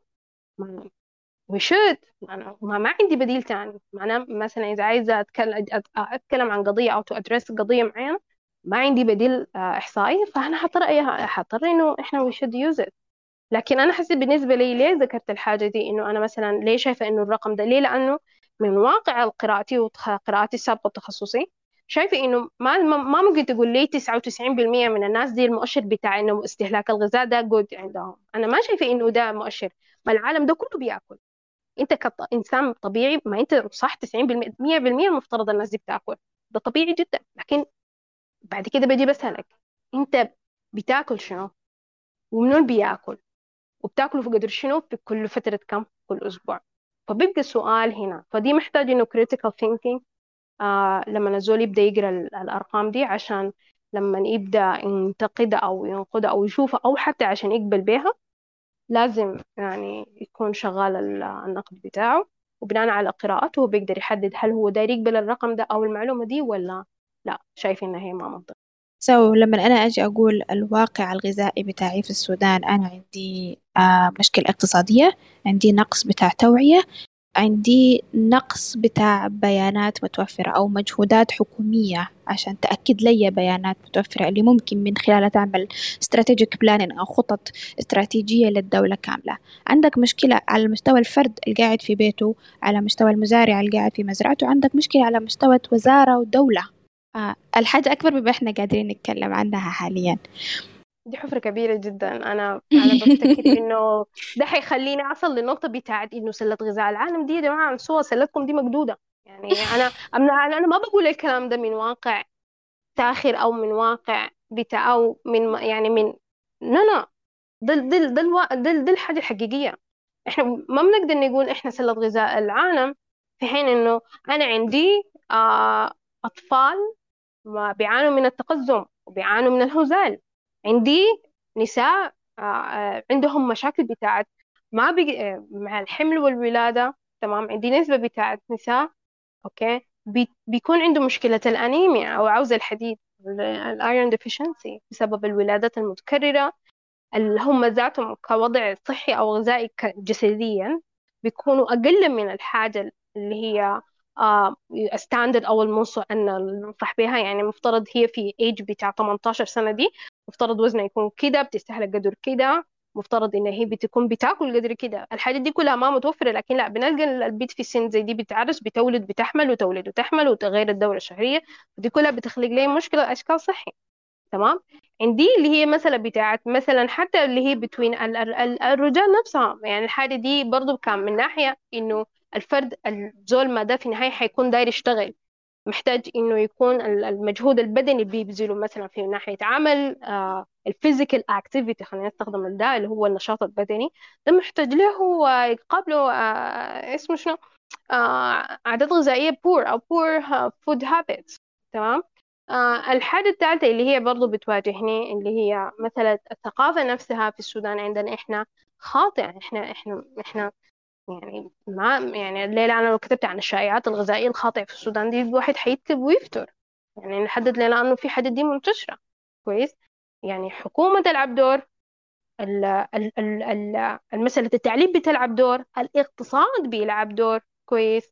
غير إنه هو غير المشاكل اللي هي اللي هي اللوجستية من ناحية آه، إحنا محتاجين وسائل بتاعة نقل تنقل لنا المواد ال distribution عشان يكون في عندنا food security أو الامن الغذائي لازم يكون آه يعني حقق score عالي عشان أنا أقدر أقول إنه آي السودان فعلا سلة غذاء العالم وإنه كل زول قادر. إحنا عندنا نسبة كبيرة من الناس ما بتستهلك زهداء ارقام كسلة في ناس ما بتستهلك ما بتأكل vegetables وخضروات وفواكه.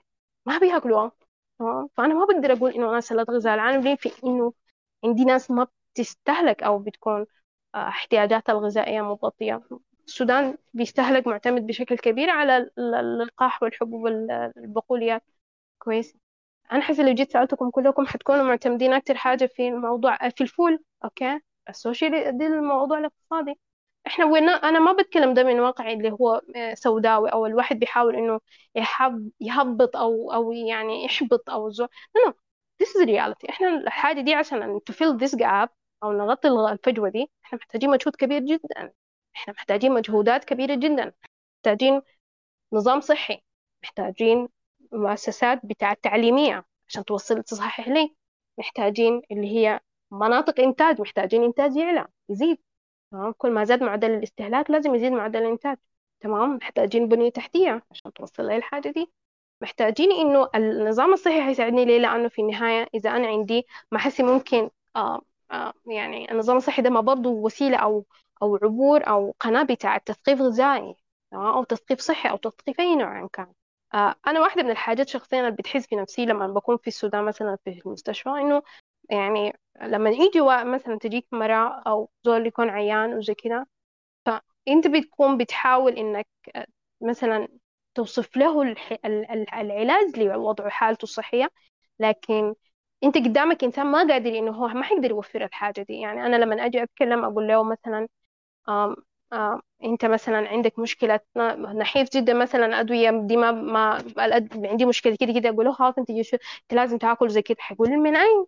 ما هقدر ما ما بقدر أكل. يعني بس بيجي للحل الأخير الخط الأخير في الموضوع اللي هو العلاج الكيميائي أو الحبوب عشان هي تساعده في إنه لكن ما عنده ال ال ال ال الاستهلاك يعني ما عنده المقدرة أو الإمكانية الاقتصادية إنه هو مثلا يقدر يشتري له لحمة أو يشتري له فديس this is واقع مخيف ده واقع. يعني ما سلة غذاء العالم. دي الحاجة دايرة يعني دايرة أقولها. فالحاجة دي محتاجة مجهود كبير جدا. آه في عامل أخير مهم جدا اللي هي مسألة التغير المناخي. حسي حاليا دخل علينا برضو. آه التغير المناخي بيلعب دور كبير جدا في مسألة الإنتاج لقدام. حيكون عندنا فترة بتاعة آه المطر حيأثر حتقل في المناطق الزراعية اللي بتعتمد على مثلا المطر الأمطار فدي حيكون بسبب التغير المناخي الحاجة دي ممكن تتأثر. فبالتالي إحنا we are facing بنواجه كارثة تانية إحنا ما عارفين حنعمل فيها شو.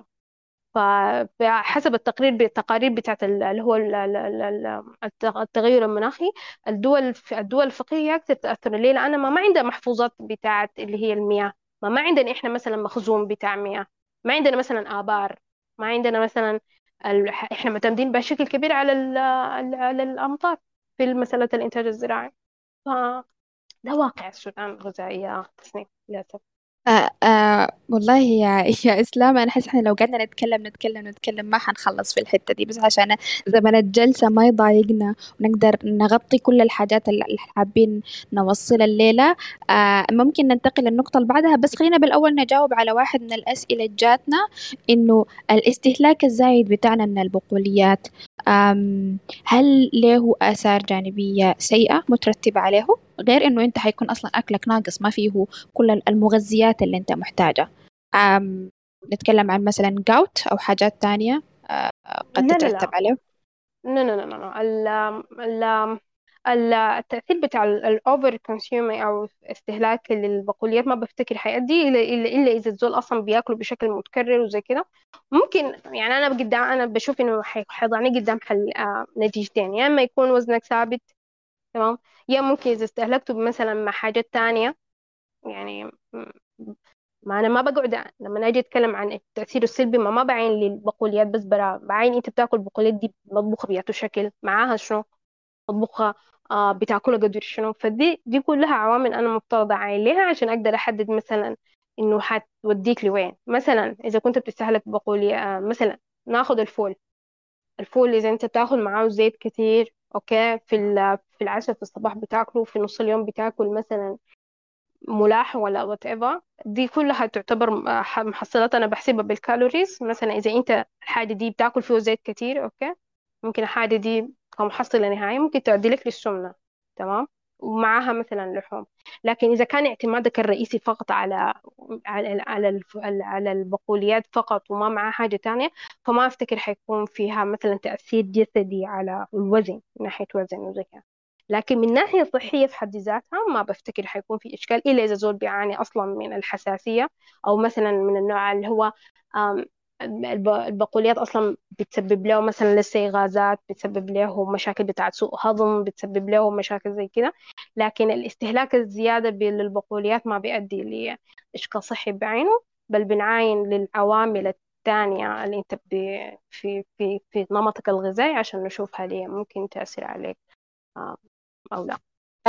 تكملة للسؤال ده بس عشان ننتقل للنقطة اللي بعدها لما نقول نحن استهلاك متكرر للبقوليات. نحن قاعدين نتكلم قدر شنو؟ وجبتين في اليوم؟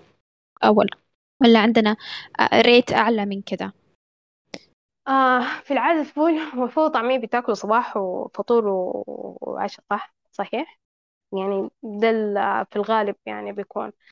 ف آه، consuming للحاجة دي بال- بالكمية دي في two days at- في وجبتين ما فيها أي إشكال. آه لا في ناس الأرقام بتاعتها اللي إذا كنت أحس دايرة أرجع للاستهلاك بتاع المفترض قدر شنو. أصلا البقوليات دي تعتبر من المصادر مصدر نبا مصدر بروتين نباتي. كويس؟ يعني في النهاية أنت بتاخد جزء من البروتين من البقوليات دي. تمام؟ دي حاجة كويسة. الحاجة التانية بس أنت ما بتقدر تعتمد بشكل كبير على الب- البروتينات النباتية اللي هي لأنها ما فيها آه لاك أو بت فيها lack أو نقص في vitamins معينة. مثلا ما فيها iron ما فيها حديد تمام؟ آه ما فيها مثلا آه، فيها نسبة بتاعت اللي هي اللي هي الم... ال- بتجي بتكون الدم اللي هي ال- المركبات أو ال macro nutrients اللي بتدخل في تكوين الدم بتكون موجودة في اللحوم ما موجودة في ب... في البقوليات فبفتكر أنا بفتكر بفتكر enough يعني مرتين في اليوم. مرة واحدة ما فيها برضو مشكلة. الناس بس توزن في في في الموضوع عشان ما تسبب لي إشكالات. تمام تمام. أتمنى أن وضحنا لهم آه الفكرة. خلينا طيب آه نتكلم عن إحنا تكلمنا عن السودان ككل كمناطق كثروة حيوانية ثروة سمكية آه كل الحاجات اللي عندنا. طب لما نجي أقول الأكل المتوفر ده واستهلاكه قدر شنو؟ حسب الفئات العمرية اللي عندي. آه ال- ال- الكبار السن الحوامل الأطفال المراهقين. آه الاستهلاك عامل كيف لما أنا أجي عايلة لكل فئة من الفئات دي؟ ممتاز سؤال ممتاز جدا. لما أجي اعين أكتر فئتين حساستين عندي في الجروبز دي كلها اللي هي الجروبز بتاعت الأطفال تمام؟ عندي في ال- الجروب بتاع المراهقين ال- في البالغ المراهقين اللي هو التينيج تمام؟ عندي الفئة بتاعت البالغين وعندي فئة كبار السن دي الأربع فئات. أكتر فئتين اللي هي آه، بتكون آه، أكتر فئة من ناحية عمرية من ناحية عمرية اللي هي فئة الأطفال تمام؟ لكن لما نجي من ناحية فئة جندرية من ناحية جندر النساء تمام؟ النساء بالذات في الفترة بتاعت المراهقة. دي الأكتر فئتين هم بيكونوا مهم عندي جدا. آم، دي الطور آه، بسبب آه، للأطفال لأن ده طور نمو بيحتاجوا كمية آه، يكون أكثر من 45% بيكون مفترض من احتياجاتهم الغذائية مفترض to be required to be met أو يتم تلبيتها من المصادر البروتينية. نتكلم عن لحوم نتكلم عن الألبان نتكلم عن آه اللي هي المصادر بتاعة الحديد. ليه؟ لأنه الجسم بيبدأ يبني بيبدأ يعني الجسم حجم الحجم بيبدأ يزيد فالاحتياجات بتزيد. فبالتالي يشد they should يكون consuming أو يستهلكوا نسبة كبيرة جدا من البروتينز. تمام؟ بعد كده بيجي اللي هي الفترة ال ال بعد كده احتياجاتهم الثانية يشد آه تكون من الخضروات والفواكه بنسبة بتاعت من آه آه من عشرين لحد من خمستاشر لحد عشرين بالمية تكون الأطفال لاستهلاكهم بالتالي بعد كده بتجي بقية الحاجات الثانية سواء نشويات كمكرونة أو أي حاجة دي بتكون نسبة عالية. لكن أكثر حاجة يفترض نركز على ال proteins والخضروات. ليه؟ لأنه دي هي اللي بتديه ال blocks أو المصادر بتاعة الجسم آه لما نجي نتكلم عن الفئة بتاعة البنات فترة المراهقة أكثر حاجة. آه ده ما بيعني إنه بقية ال groups ما مهمة. لا لا لكن إحنا بنتكلم عن إنه شنو الأطوار اللي بتخلي الناس تكون محتاجة التغذية التركيز على الموضوع الغذاء بتاعهم أكثر من بقية ال groups آه الفترة بتاعت ال ال ال ال ال النساء بفترة المراهقة بعد كده بيدخل موضوع الدورة الشهرية فبالتالي ده بيأثر على موضوع بيأثر على الدم. ليه لأنه بعد الموضوع ده في فترة بتاعت الحمل والولادة هي بتكون بعد جهز جسمها جاهز إن هي to conceive أو تحمل. فإحنا المفترض مرة في مرحلة دي دي لازم يكون nutrition يعني لازم تكون تغذويا جسمها جاهز. عشان مسألة الحمل والولادة دي تمام بتستهلك جزء كبير جدا من ال من ال من ال ال micronutrients أو التغذية المغذيات الصغيرة في جسم المرأة. يعني أديكي مثال بسيط جدا. آه اذا البنت حملت وهي بتعاني من نقص الحديد أو ال folic acid تمام؟ حديد folic acid أو أي حاجة مكونات الدم. فإحنا قدامنا قدام نتيجتين. ليها مختصة بها هي وللطفل. ليها هي إن هي حيكون تعاني من الأنيميا لحد ودي حتخليها إن هي ممكن تواجه مشاكل خطيرة جدا ممكن تؤدي للوفاة بسبب الأنيميا. بالنسبة للطفل إذا كان هي ما عندها folic acid كافي ممكن حاجة اسمها spina bifida اللي هي في الرقبة تمام؟ اللي هي بيكون في بيظهر كورة كده بتظهر في في السلسلة الفقرية بتاعت الطفل.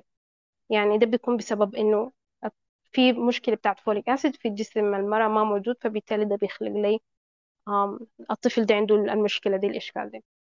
فإحنا ليه؟ بالتالي إحنا ما دايرين المستقبل إحنا دايرين أطفال ودايرين أطفال دايرين أمهات يولدوا لنا أطفال أصحاء عشان ده المستقبل حيكون معتمد عليه. آه بنجي للفترة الفئة بتاعت الكبار السن. تمام؟ كبار السن عموما بشكل عام. استهلاكهم للغذاء بيقل ليه؟ لأنه حركيا بيكون أقل تمام؟ الجسم بالعكس بيكون ما محتاج ما عنده فترة بتاعت نمو بل بيكون في فترة بتاعت sustain أو maintain sorry إنه هو بس داري يحافظ على جسمه من التدهور. فإحنا بي بنركز عليهم إنه ما على الكمية على النوعية. التركيز بيكون هنا أكتر حاجة يعني لازم نش... بعدين مسألة المضغ فعشان كده بيكون الخضروات مثلا أكتر استه... بيكون الخضروات دي كويسة معاهم جدا استهلاكهم لل micronutrients vitamins بيكون نسبة بتاعت let's say أربعين بالمية يعني يكون استهلاكهم مثلا من الخضروات والحاجات الزي دي. حتى بالنسبة للحوم لازم هم should consume ياخدوا الألبان والحاجات الزي دي. آه الألبان ومنتجات الألبان لأنه بالنسبة لهم آه الجسم في مرحلة زي دي آه هم ما بيكونوا بيقدروا ياكلوا حاجة كثيرة لأنه ما في استهلاك زي ما قلت لك ما في حركة غير المشاكل ال chronic disease اللي هي بتكون آه الأمراض المزمنة اللي بتكون آه مرافقة معاهم في في المرحلة العمرية دي. فبالنسبة لي مع الشباب أنا بفتكر إنه الشباب أو الرجال بشكل عام استهلاكهم للغذاء بيكون حتى من ناحية ال recommendations أو التوصيات بتاعت الاستهلاك الغذائي للرجال هي بتكون الأرقام أعلى من النساء ليه؟ لأنه العامل العامل المجهود البدني بيلعب دور كبير في إنهم هم اللي بيحتاجوا يعني بيحتاجوا كمية calories أعلى من المرأة يعني الليلة لو عندي رجل بيت ولد في نفس السن في نفس العمر في نفس السن في نفس في نفس الطول في نفس الحجم استهلاك الرجل بيكون الرقم بتاعته أعلى من الاستهلاك بتاع البنت يعني عادة ال requirement أو ال standard أو التقديرات أو المطلوب آه للرجل مثلا بيكون ال standard 3000 كالوري ممكن يصل لحد 3000 كالوري لكن للمرأة ممكن يصل لحد 2000 كالوري وحاجة وكذا وكسر. فده الستاندرد بشكل عام. آه فلكن بشكل آه الحاجة عايزة أقولها في النهاية شو في الموضوع ده؟ إنه آه الأطفال under five ما قبل المدرسة آه دي هم أكتر فئتين إحنا المفترض نعين لهم آه ومحتاجين إنه إحنا نركز عليهم وحتى الفئة بتاعت البنات اللي هي ما قبل اللي هي في مرحلة المراهقة ما قبل الحمل دي هم أكتر فئتين لا. في معلومة بس حابة أذكرها في النهاية في النقطة دي إنه ال vitamin A deficiency دي برضو في نفس التقرير إنه فيتامين A أو مشكلة عوز فيتامين D متو... آه منتشر بشكل أكبر في الأطفال ما قبل المدرسة في عمر ما قبل المدرسة في من... في منطقة الجزيرة وجنوب دارفور. دي أكثر منطقتين بتنتشر بيناتهم الإشكالية دي. الحاجة الثانية اللي هو ال iodine أو ال iodine deficiency أو عوز ال iodine بيكون موجود برضه في الفئة دي بتاعت ال pre-school أو من قبل المدرسة في ناس الشمالية وناس كردفان. لأنه زي ما ذكرنا إحنا كل ما دخلنا جوا بعيدنا تمام؟ ما في مصادر بتاعت يعني دخل من مسطحات بحرية تمام؟ بيكون عندنا مشكلة بتاعت ال iodine أو الأيود ال iron deficiency تمام؟ اللي هو كان أو العوز الحديد اللي هو بسبب الأنيميا بيكون للأطفال أقل من خمسة بيكون منتشر أكتر حاجة عند الأطفال وبرضه في للنساء اللي هو في الفترة بتاعت اللي هو إنه هي تقدر تكون تحمل وتولد وزي كده. تمام. آم، نحن أصلا مفروض ننتقل للحتة بتاعة الديفيشنسيز والحاجات الناقصة عندنا بتوسع أكتر. فالسؤال بتاع ولاء اللي هو إشمعنى إحنا قاعدين نتكلم عن نقص فيتامين إيه حنجاوب عنه بالتفصيل. لكن قبل ما نمشي للحتة بتاعة الديفيشنسيز وقبل ما نقضيها لهم سوداوية ونديهم الواقع المرير خلينا ندي شوية لمحة أمل. خلينا نتكلم عن بعض الأكلات اللي اللي نحن بنستهلكها بشكل دوري والقيمة الغذائية الفعلية اللي فيها الحاجة الكويسة اللي فيها. خمار العجين نتكلم عن القنقليس نتكلم عن السمك المنشف الفسيخ الحاجات دي. خلينا بس شوية نطمنهم عشان بعدين نخلعهم بالأرقام لاحقا. والله ما كذب عليك يا تسنيم. أنا ما كذب عليك. أنا أنا أنا شخصيا ممكن ممكن الليلة من حكم بحكم يعني تخصصي ممكن أتكلم بشكل إيجابي جدا تمام؟ آه بخصوص لكن لكن أنا لما باجي بقدرها بالتقدير منطقي في إنه مثلا النمط الغذائي في السودان معتمد ليه على كسرة عصيدة تمام؟ فول آه، طعمية شباب ساعدوني بالناس اللي بتاكل شنو؟ آه، آه، أنا عشان دار أخش ال room. آه، الطبيخ الطبيخ أهم حاجة الطبيخ يا إسلام. الطبيخ الطبيخ ده ما... okay الطبيخ لكن في النهاية مهما جيتي ما بيكون مصدر حيوي بتاع بروتين حر أو pure protein تمام؟ أنت ما في النهاية لو قلنا مثلا جينا استخدينا قلنا اللي عندي الليلة ملاح. صوتي واضح ولا قطع؟ لا واضح واضح واضح تفضل. okay لما أنا أجي مثلا أجي أتكلم عن إنه okay أنا أخش ال أيوه هنا. آه مدينة. طيب آه لما أجي أتكلم عن إنه مثلا عن الملاح okay ما في النهاية الملاح ده عبارة عن شنو؟ شوية بصل على على حبة قطع دجاج. ما بفتكر إنه تقديريا أنا بقدره تقدير اقتصادي تمام؟ الليلة أنا عندي هاوس هولد أو بيت مكون من ستة أفراد. عملت لهم الليلة حلة بتاعت دمعة لحمة. يا شباب أنا دارسة لكم سؤال. أنتوا أنتوا بت... بت... بتاخدوا كم كيلو في اللحمة دي في في الحلة دي؟ إحنا بنتكلم عن ناس بتقول نص كيلو ربع كيلو تمام؟ آه الحاجة دي ما ما ما بتكفي ستة أفراد اللي أنا بتكلم عنهم تمام؟ فالحاجات دي كلها يعني ما بقدر أحسب إن هي مثلا nutritional valuable أو مغذية أو حاجة دي كافية جدا لستة أفراد. إحنا بنتكلم عن إنه أي زول في البيت ده عنده حصة مفترض يكون عنده بياخدها حصة يومية.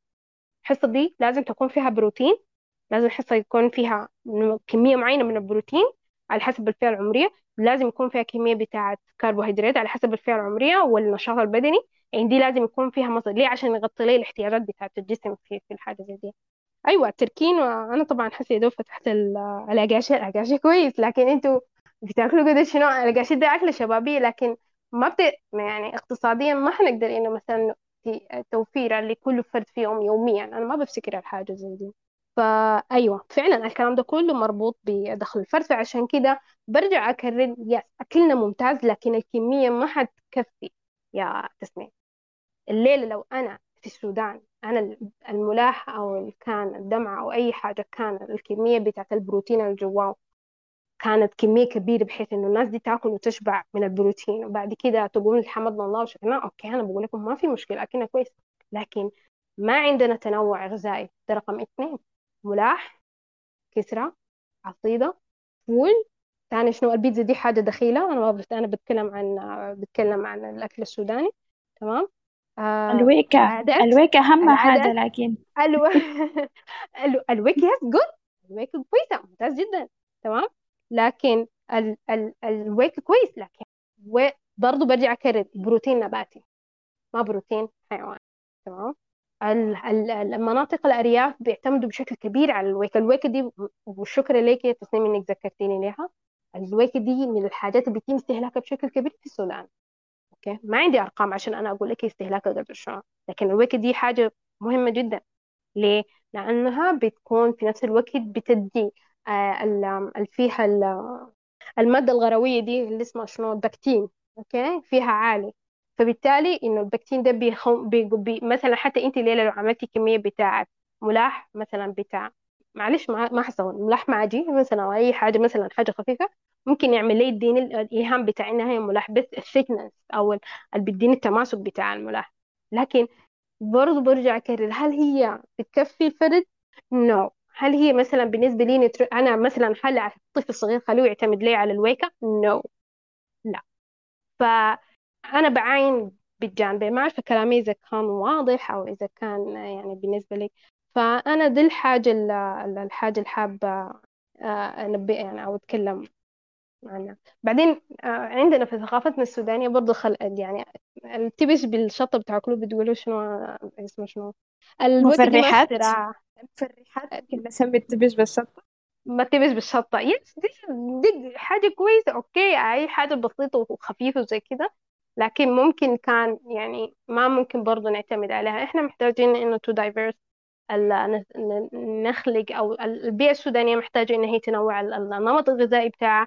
لما نجي نتكلم عن نمط تنويع النمط الغذائي أو الحاجة دي ما بتكلم عن إنه نجيب برجر أو نجيب بيتزا أو حاجات زي كده لا. أنا بتكلم عن إنه أي زول لما نجي ناكل الشيء مثلا أو يكون في شيء أي حصة أي زول في البيت ده مفترض ياخذ حصته من الشيء دي كمية تمام؟ لما نيجي نتكلم مثلا عن الملاحات مفترض يكون فيها كمية اللحم فيها تناسب عدد الأفراد اللي هم محتاجين منه. حتى لو جينا تكلمنا من ناحية خضروات سيبكم من اللحمة الغالية دي. مفترض إنه حتى السلطة أو حتى الوجبات اللي حنعملها بالخضروات مبنية سواء ملاح بطاطس أو كان حتى مثلا قلنا مثلا صينية بتاعت فرن بتاعت خضروات بطاطس whatever مفترض الاستهلاك يكون كافي جدا لكل فرد موجود في الأسرة عشان هو يقدر يكون حاسس بالشبع لكن ما نقدر نعتمد على مصدر واحد. زي ما قلت لك انت الليلة لو طالبتيني بالجانب المضيء في مساله ال nutrition ممكن أحكي لك الفوائد بتاعت الاغذيه دي كلها. ما مشكلة من هنا تمشي تاكليها عادي. لكن في النهاية أنا بجي بحسب انت اخذتي قدر شنو؟ هل هي كانت كافية بالنسبة لك؟ هل هي كانت كافية لزول سنا أصغر منك؟ هل هي كافية بالنسبة لزول مثلا بتحرك بشكل أكبر منك؟ يعني بتحرك يعني physically active more منك؟ فهنا دي دي دي, دي الكويستشنز أو الأسئلة أنا بحب أطرحها. هنا. كويس. فده باختصار يعني إجابتي بخصوص سؤالك. آه والله يعني هي النصية الآن قلبت آه قلبت فرح. الناس انبسطت حاليا عشان فتحنا لهم المجال ده بس معليش أستأذنك. آه حابين ناخذ مداخلة من حارس؟ آه عشان آه قبل ما نواصل الفكرة اللي بعدها تفضل يا حارس. مرحبتين حبايبك يا إسلام نورتينا والله. وصراحة جلسة جميلة والله. أنا قاعد مخلي كورة ميلان وقاعد ب... ما لأنه مغلوب لا جد والله أنا مخلي الكورة وقاعد مستمتع بالجلسة دي يعني. جلسة جميلة شديد و في حاجة لفتت نظري. أنا آه، واحد من الناس المحظوظ يعني. لفيت السودان كتير وشفت التنوع بتاع الأكل بتاعه وكده. فلما يعني تجي المقولة بتاعت إنه السودان سلة غذاء العالم أنا مصدق الحاجة دي.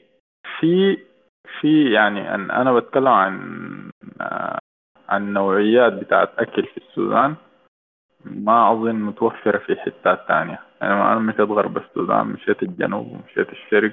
والشمال نوعا ما ما أظن فارقة كثير لأن الشمال ما فيه شيء أكل.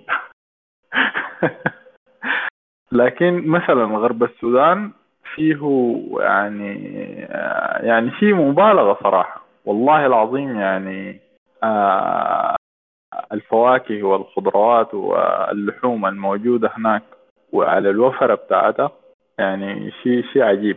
آه، أنا بتذكر عشان أديكم أرقام يعني الموضوع ده طول تقريبا 2002 2003 2002 آه آه سعر البهيمة في الخرطوم 160 180 آه 180 ألف. في غرب السودان سعرها آه 40 40 ألف.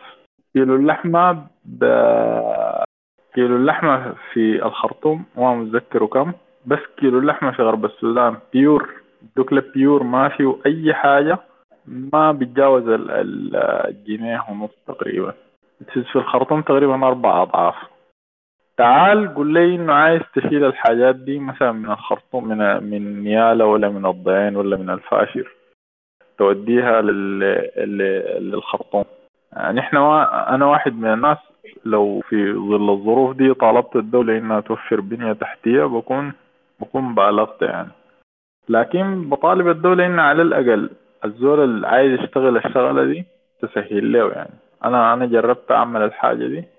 أول شيء المدة طويلة ثلاثة ولا أربعة يوم إلا تشيل كمية بسيطة لأنه أول ما تشيل كمية كبيرة طوال أنت بتبدأ تتفرض عليك ضرائب وأتاوات بتخلي لك إنه العملية دي ككل ما مجية يعني.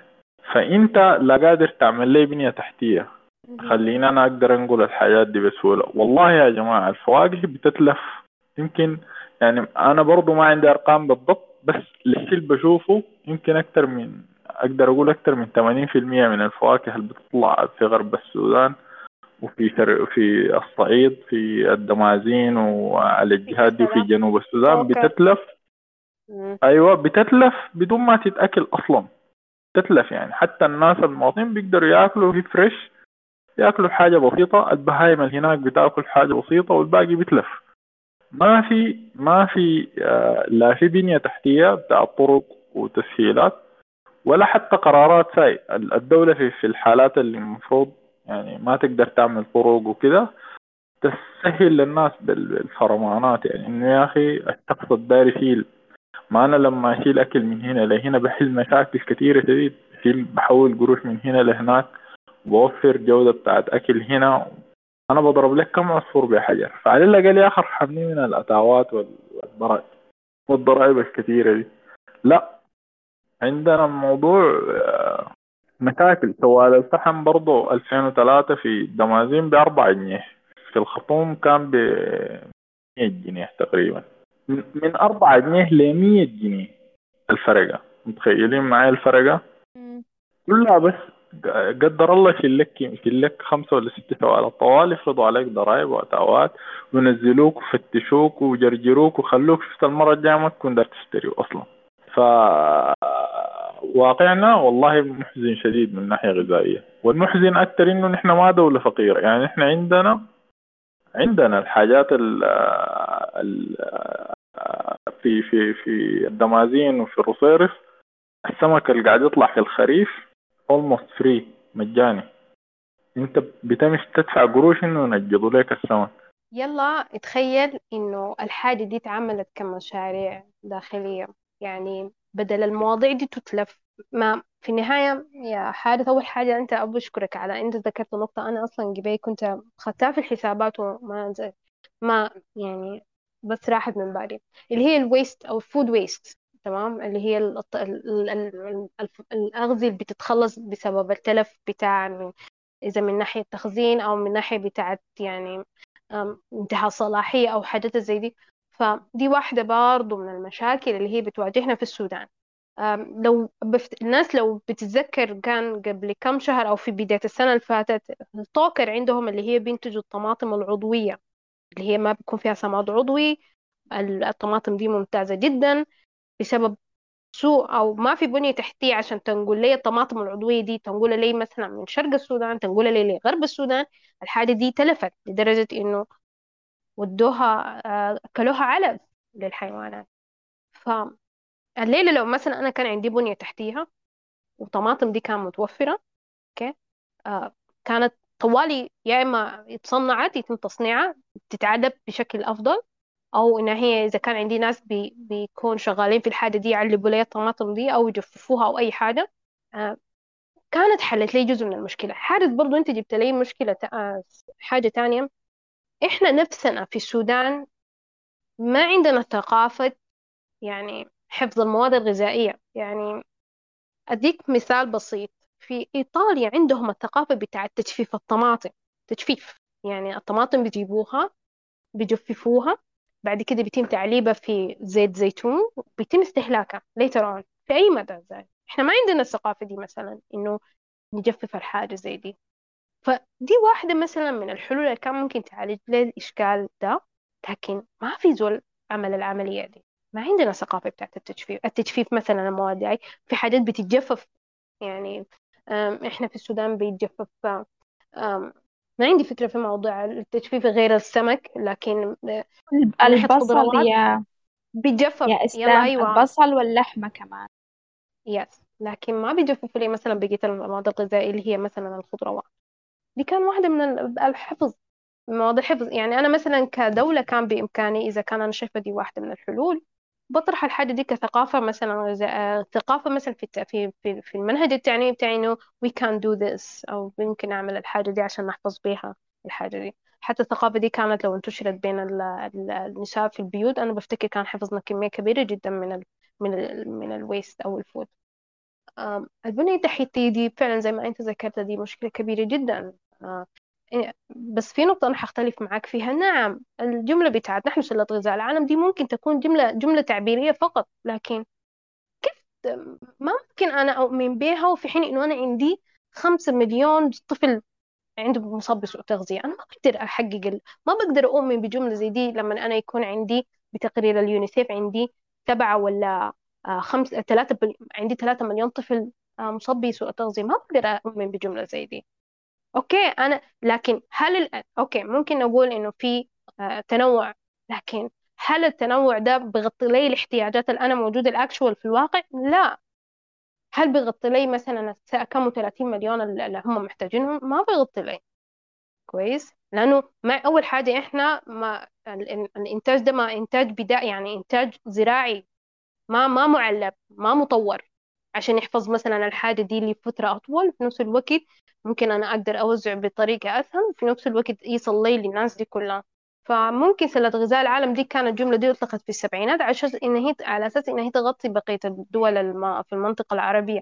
لكن حاليا الحاجة دي ما مغطية الشعب من الداخل فأنا كانت ما بقدر أقول إنه فعلا هي سلة غذاء إحنا محتاجين نزيد من الإنتاج محتاجين نشوف حلول محتاجين زي ما أنت ذكرت بنية تحتية.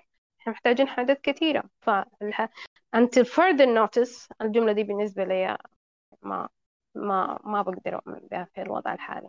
يعني إحنا ما قلنا السودان هو مركز آه الناس اللي عندهم مثلا بدانة ولا كده. نحن بنتكلم عن موارد. الموارد اللي فيه يعني صراحة آه حاجة مبالغ فيها مبالغ فيها لدرجة يعني الناس الناس في في في الصعيد مثلا في الدمازين بتشبع سمك. والكلام ده هو منافي للمنطق البني آدم ما ممكن يشبع سمك. سمك ما بشبع. بس الناس دي بتاكل سمك بكميات كبيرة في الخريف لدرجة إنه بتشبع سمك.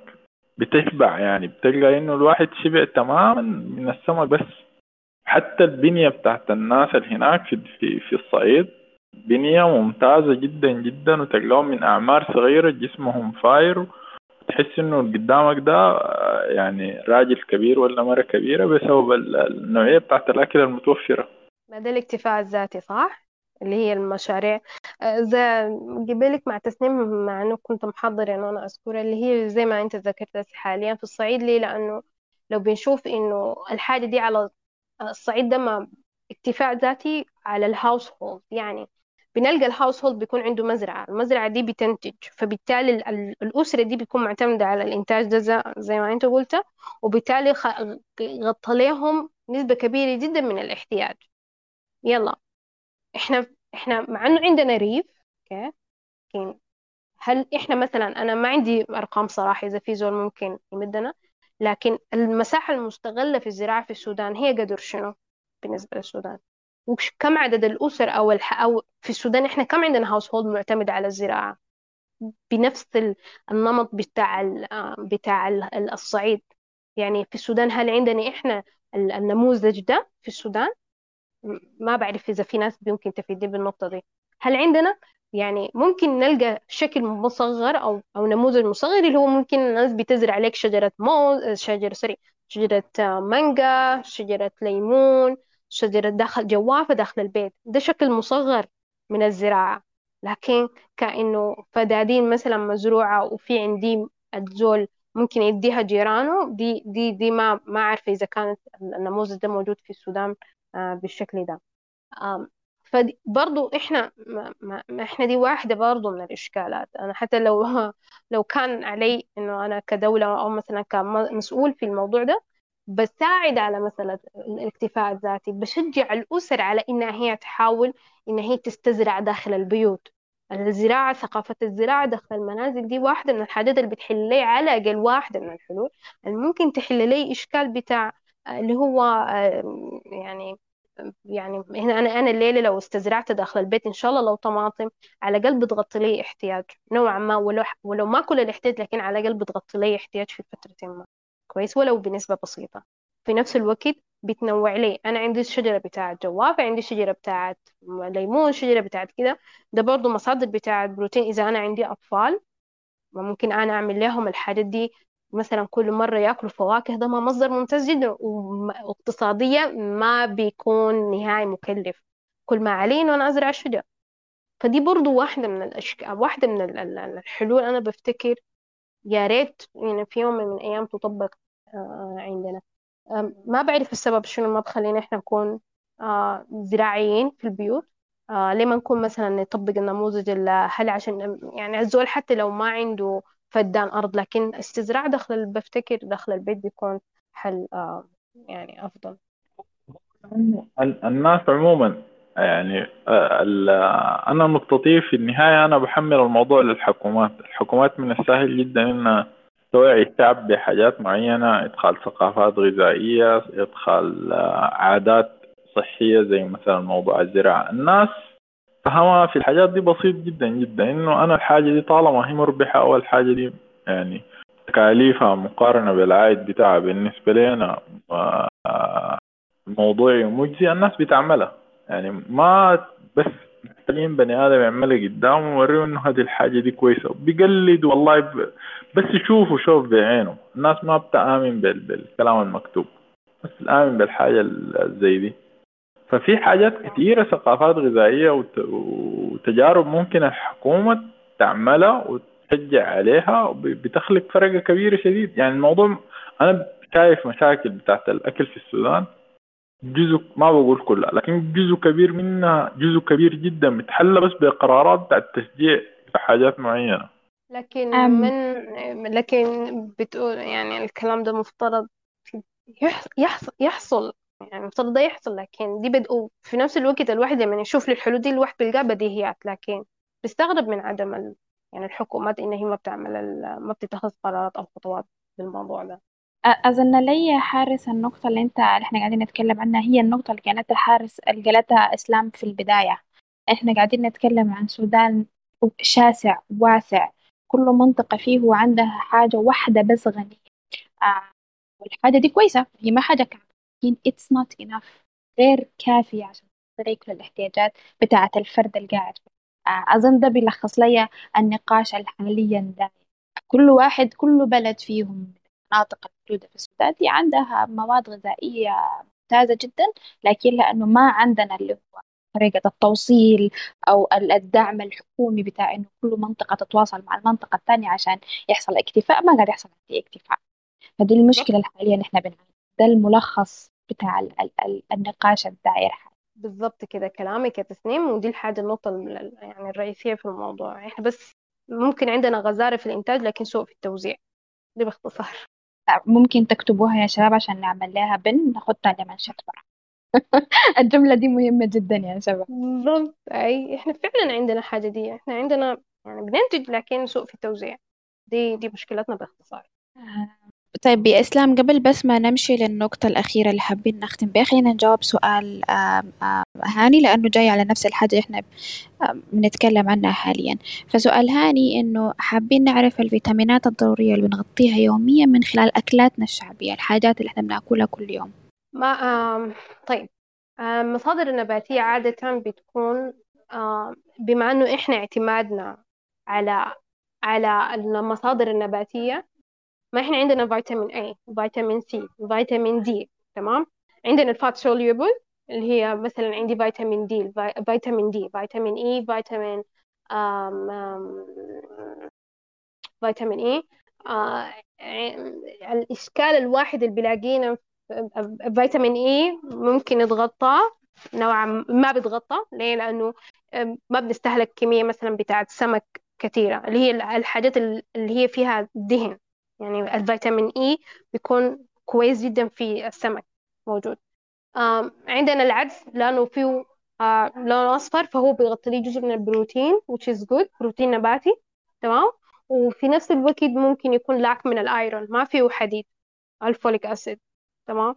يعني الزول إذا اعتمد لي العدس فقط ممكن ده اللي قدام ممكن يكون أتوقع يكون تجيه انيميا إذا كان اعتماد فول على بس فقط العدس. مثلا الفول البقوليات زي ما ذكرنا. الفول برضو يعتبر بروتين نباتي لكن ال vitamins اللي هي ممكن تكون فيتامين A موجود في العدس okay؟ برضو يكون موجود في البقوليات ما آه زي الفول والطعمية لأنه بقوليات. آه ال vitamins آه let me آه بيكون فيه دقيقة. يعني إيه السودان السودان يعني ممكن الأكل في السودان ده يغطي لي الفيتامين الفيتامين فيتامين ألف كويس نوعا ما. آه فيتامين B تمام. آه فيتامين B 12 B 6 مع B 12 آه برضو نفس الحكاية ممكن يغطي لي الفيتامين E لأنه إذا كان زول بيستهلك كمية بتاعت أسماك ممكن يغطي له الحاجة دي. الحديد بس بتبقى لنا إشكالية لأنه ما بنستهلك كمية بتاعت بروتين حيواني بشكل كافي. فيتامين ثاني شنو؟ بيغطي جزء لكن في نفس الوقت ما بيديني الجزء الكمية الكافية من ال vitamins اللي أنا بحتاجها بشكل يومي بشكل عام في في في الأكل السوداني. بس بخنياسي حاليا الذاكرة بتخوني. ليه؟ لأنه أنا عشان أدي إجابة مثلا كام comprehensive أو شاملة أو حاجة زي دي محتاجة إنه أرتب الأغذية دي في نفس الوقت أنا أقوم أضع الفيتامين زي قدامها لأنه الأغذية دي متنوعة وفي نفس يعني الأغذية كثيرة وفي نفس الوقت ما حأقدر أحفظ إنه أي غذاء حيكون فيه فيتامين شنو آه بشكل specified برجع أكرر إنه أغذيتنا بتغطي لنا جزء من احتياجاتنا سواء من micronutrients أو من ناحية macronutrients مغذيات صغيرة مغذيات كبيرة okay؟ لكن في نفس الوقت ما بتغطيها بشكل كبير. ليه؟ لأنه المصادر بتاعتنا أو التنوع الغذائي بتاعنا منخفض جدا. إحنا بنتكلم عن إنه المفترض إحنا نستهلك كمية بتاعت بتاعت آه بروتين fat. ال fats مثلا بنستهلك كمية بتاعت دهون زي الفول وزيت الفول وزيت السمسم وحاجات زي دي. دي كلها مصادر ممتازة جدا للفيتامين.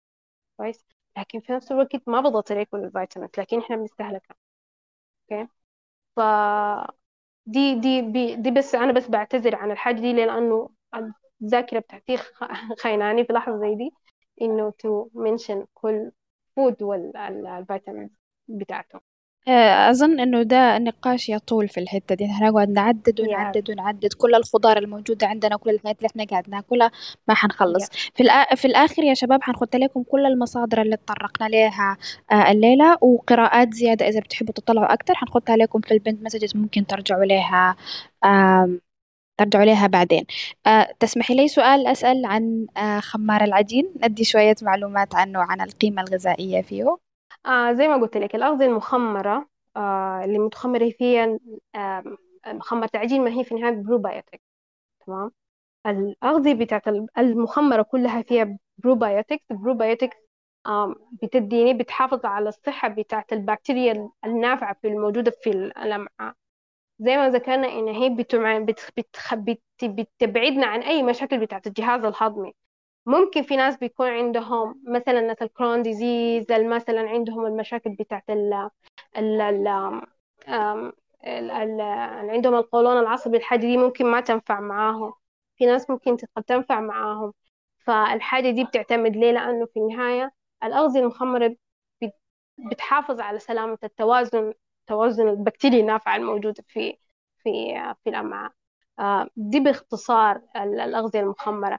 برضو في ال fermented فاي بتديني provide لل vitamins أفتكر فيتامين ألف وفيتامين فيتامين B 12 برضو بتكون provide من فيتامين B آه ليه؟ لأنه واحدة من الإنتاجات بتاعة التخمير اللي هي واحدة فيتامين آه با آم تاني هاي دي الحاجة المفيدة فيها. لكن من ناحية بروتين ممكن تديني نسبة بتاعة بروتين لأنه بشكل عام الدقيق أو القمح فيه نسبة بتاعة بروتين فبالتالي دي ممكن تديني مصدر بسيط بتاع بروتين لأنه في النهاية الدقيق دقيق أو القمح. بس ده باختصار. آه، تمام. okay. um أتمنى إن إحنا اديناكم شوية أمل من خلال الأمثلة اللي ضربناها هسه. خلينا ننتقل ننتقل لآخر حاجة إحنا حابين نتكلم عنها. إحنا هسا قلنا كمية جابات كثيرة حاجات كثيرة ناقصة. نقص في كذا ونقص في كذا ونقص في كذا على مستوى الدولة على مستوى الاقتصاد على مستوى الفرد الفئة العمرية الفيتامينات النقص كل حاجة. طيب الناس دي كلها قاعدة تسأل السؤال how do I fill the gap?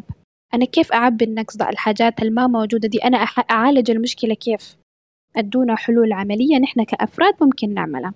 um, واحدة من الإشكالات الشخصية اللي بتواجهني مثلا في إنه بيجو ناس لما بتكون آه دايرة تنحف كويس آه بيحاولوا يتواصلوا معي. يعني مثلا واحدة من ال trends أو الحاجات الرائجة حاليا هي النظام بتاع ال keto diet. فهمتي؟ آه أنا صراحة بتأزم نفسيا إنه أنا أوصف ال keto diet مثلا لشخص في السودان عايز ينحف. يعني أقول لهم مثلا تو يعني يعني اتبع نظام ال keto diet. ليه؟ لأنه التكلفة الاقتصادية بتاعت ال keto diet أنا بفتكر إنها حتكون عالية بالنسبة له. ف يعني دي دي أنا بفتكرها معضلة بالنسبة لي شخصي إنه أنا أقول له أنت مفترض تتبع النظام عشان أنت تنحف. في حين إنك أنت يعني أنت في إذا أنت عندك بتعاني من السمنة ده معناه إنك أنت أكلت فوق حاجتك. طيب أنا عشان أنزلك للوزن الطبيعي بتاعك أنت برضه محتاج إنك you have تقلل من أكل أو مثلا تتبع نظام معين عشان يكون يديك نتيجة آه، يعني إيجابية. لكن في نفس الوقت أنا بعاين للوضع الاقتصادي بتاعك كويس؟ فهنا هنا هنا السودان هنا بيخليكي قدام إشكالات كثيره يعني بجد السودان بتخلي حتى لو ما في السودان أنا حتى يعني حتى ما حتى لو في دولة اقتصاديا بتكون أفضل من السودان ما برضو انت حتكلف معاك الكيلو بتاع اللحمه بكم عشان انت مثلا تاكل آه، تتبع نظام ال keto diet. عندك مثلا ال fats اللي هو الزبدة أو الحاجات كل أي حاجة جزء من النظام بتاع الكيتو it cost كويس؟ يعني أنا مثلا يعني دي دي الحاجة الحاجة الواحد بخطها ف how to fill the gap is a very big question. uh, الدولة بتلعب دور. في إنها هي تغطي لي ال gap ده كيف؟ وسائل الإنتاج. uh, التعزيز بتاع التعليم المسألة التعليمية عشان إذا كان عندي التعليم ده بغطي لي ال food habits اللي هي ما... sorry الإشكال بتاعت الشائعات الغذائية أو الأفكار الغذائية الخاطئة المنتشرة في السودان. كويس ما أنا عندي كمية بتاعت ناس الأمية أو الغير متعلمة نسبة كبيرة جدا. فبالتالي الناس دي محتاجين إن هم يتم تثقيفهم عشان هم يعرفوا شنو الصح وشنو الغلط شنو المعلومات اللي عندهم هي الخاطئة وشنو هي المعلومات الصح عشان بالتالي لما يجي ينشئوا أجيال ينشئوا أجيال أجيال مستصحة وما عندها أي مشاكل. عندنا اللي هو الدور بتاع التثقيف الفردي مثلا زي ما قلنا قبلك أنا واحدة من الأشياء اللي أنا بشوف إنها هي واحدة من الحلول اللي هي مسألة الاكتفاء الذاتي. زي ما ذكر حارث إنه الصعيد أنا بفتكر ده نموذج أوكي حلو لكن في السودان هل مثلا يكون عندنا أسر مكتفية ذاتيا تنتج زراعيا داخل البيوت؟ دي حاجة مفترض نشجع عليها إنه لازم الناس تتثقف تحاول إن هي تتجه للحاجة زي دي. ولو إنه الحل بتاع الزراعة المنزلية هي ما بتغطي لي كل مشكلة لكن على الأقل بتخفف لي ولو يعني ولو لنسبة بسيطة ممكن تحل لي الإشكال ده. إذا كان مثلا أنا بستزرع داخل البيت جرجير إذا بستزرع داخل البيت طماطم إذا بستزرع داخل البيت آه عندي شجرة بتاعت ليمون دي كلها بتغطي لي جزء من الحاجة دي حتى لو ما عالج لي كامل المشكلة. برضو الدولة بتلعب دور في مسألة البنية التحتية. البنية التحتية دي إحنا محتاجينها بشكل كبير جدا عشان نقدر ننتج نقدر نوصل نقدر نوزع نقدر آه آه في نفس الوقت نخزن. محتاجين إحنا آليات بتاع التخزين. آه رقم أربعة اللي هي آه بفتكر إنه آه الحاجة الوحيدة اللي حاليا إحنا في السودان قاعدين قاعدة تحصل تتغير في العادات بتاعتنا إنه إحنا قاعدين نجيب من برا. قبلك هاني ذكر نقطة مهمة جدا إنه الجلوب يعني الدول الاقتصادية أو التجارة الحرة دي واحدة برضو من الأسباب اللي هي بتخلي الناس تتنوع. ليه؟ لأنه في النهاية أنت لما تخش في ال globe تكون في الجزء بتاعت المنظومة التجارة الحرة أو ال globalization أو تخش في المنظومة بتاعت ال globalization أنت بعد كده بتبدأ شنو؟ تستورد أو تجيب مثلا تجيك شركة ماكدونالدز داخلة تجيك شركة بتاعت KFC داخلة بتجيك خشة. دي واحدة من الإشكال كويس الأسه واقعة فيه جنوب أفريقيا اللي هي إنه هي الآن بقت تستقطب اللي هي المشروبات الغازية بقت منتشرة عندهم بقت عندهم نسبة السمنة ماشي بتسارع أكثر من الماشي بها أمريكا. دي نقطة على السريع حابة أذكر لكم معلومة لكم إنه نسبة مثلا لما نجي نتكلم عن التحول الغذائي الفود هابت التحول المفاجئ بسبب تغير اقتصادي كثير ده بيضع بيضع الزول ده أو الدولة أو الحاجة قدام خطر بتاع إنه بتزايد عدد حالات السمنة بشكل سريع.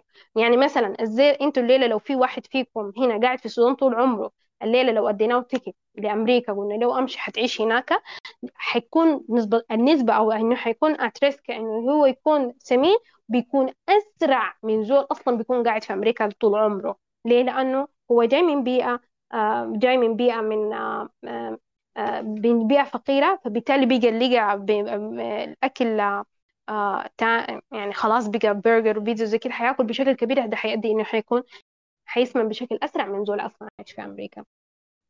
الصدمة الغذائية فعلا. فالحاجة الثالثة الحاجة الثانية إنه الزول الأشخاص اللي بيكونوا الموجودين في ال socioeconomic دي مفارقة عجيبة برضو يا جماعة اديكم لا معلومة.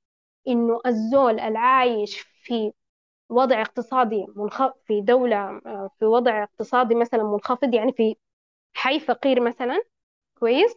في السودان بيكون نحيف في أمريكا بيكون سميع. لكن الزول اللي بيكون وضعه اقتصاديا كان في الهاي انكم أو كان الاقتصاديا كان الدخل الاقتصادي بتاعه مرتفع في أمريكا بيكون نحيف في السودان بيكون سميع. دي معلومة دي مفارقة. أتمنى إنكم وقعت لكم. فدي الدور الوضع الاقتصادي برضه بيلعب دور في إنه الناس تختار آه، الأغذية بتاعتها بعناية برضه بيأثر في الجودة بتاعة الأغذية. إحنا في السودان ممكن نكون الجودة بتاعة الأغذية بتاعتنا ما عالية وبالتالي ده مؤثر علينا في برضو من المشاكلنا آه ال gap كبير محتاج مجهودات. آه أنا بفتكر إنه محتاجين إحنا Discord أو room آه نقاش جاي قادم عشان إحنا نتكلم في آه آه أنا لو أمشي السودان إجازة بس ما بجي هنا بضعف okay ممكن. okay لأنه لأنه في النهاية أنت جيت لل food habit بتاعت السودان. هناك ممكن عامل نفسي يلعب لما تكون برا. ف أنا متأكدة حيكون في Discord تاني حيكون نقاش تاني. آه حيكون بصورة أوضح بتفاصيل أوضح. عشان ذاته إحنا نتكلم عن إنه how to إحنا نتخارج من ال... الإشكال ده. شنو هي الحلول شنو هي المعالجات. ده ده حوار مطول براو. إشكالات يا إسلام إشكالات. كل الحاجات اللي قلناها دي ما قاعدين ناخدها تحت بند إشكال no. حاجات كثيرة كده. يلا يا يا يا تسنيم أنا قاعدة أعاين. حسي محتاجين نقاش قادم. خلاص كفاية خرجونا لا لا ما حكايه خرجونا لكن أنا ما محتاجة إنه أنا أوضحها أكون عندي أرقام قدامي عشان أوضح لكم. محتاجين نشوف تجارب دول تانية تخطط الحاجة دي. مثلا حسي قبالك هاني ذكر نقطة بتاعت إحنا ما ممكن نجيب التجربة بتاعت آه جنوب افريقيا في مشكلتها مع السمنة. جنوب افريقيا ال GDP بتاعها كم مقارنة لكن نسبة السمنة عندها متسارعة. أمريكا نسبة السمنة بدت عندهم من سنة 80 المعدلات بتاع السمنة بدأت تزيد عندهم. في آه، في في جنوب أفريقيا الحاجة دي بدأت يا دوب في الألفينات وماشي بسرعة. قربت توصل أمريكا. فإحنا في في هنا في يعني عوامل كثيرة بتلعب في إنه إحنا بتجينا outcomes بالشكل ده برغم إنه زول بيتوقع إن ال outcomes أو المخرجات دي بتكون جايك بعوامل ثابتة لكن لأ في عوامل تانية تكون مختلفة بتؤدي لي في نفس النتيجة. فإحنا دي حاجات محتاجين نتناقش عنها بشكل موسع في بأرقام بتفاصيل معينة عشان الناس تكون واضحة. so كده فعليا إسلام أدتكم وعد بجلسة قادمة بإذن الله. حنتناقش فيها عن إشكالات أكثر آه، من اللي قلناها هسه وحنتوسع في الحاجات اللي قلناها لنا بشكل مختصر. أظن لي نحن يعني حاولنا نغطي قدر الإمكان الحاجات النظرة العامة أو النظرة الشمولية وأتمنى أن إحنا نكون وفقنا في ذلك. حابة فعلا أنا أشكرك يا إسلام. وخلينا نختم بالحاجة اللي بدينا لها أول ما أعلنا عن الجلسة السودان سلة غذاء العالم. المايك عندك يا إسلام تعبري لنا. السلة مقدودة بس إحنا محتاجين إنه نجيب حاجة نرجعها عشان تمسك الأكل وتوزع وتكتفي عشان الشايل السلة ياكل.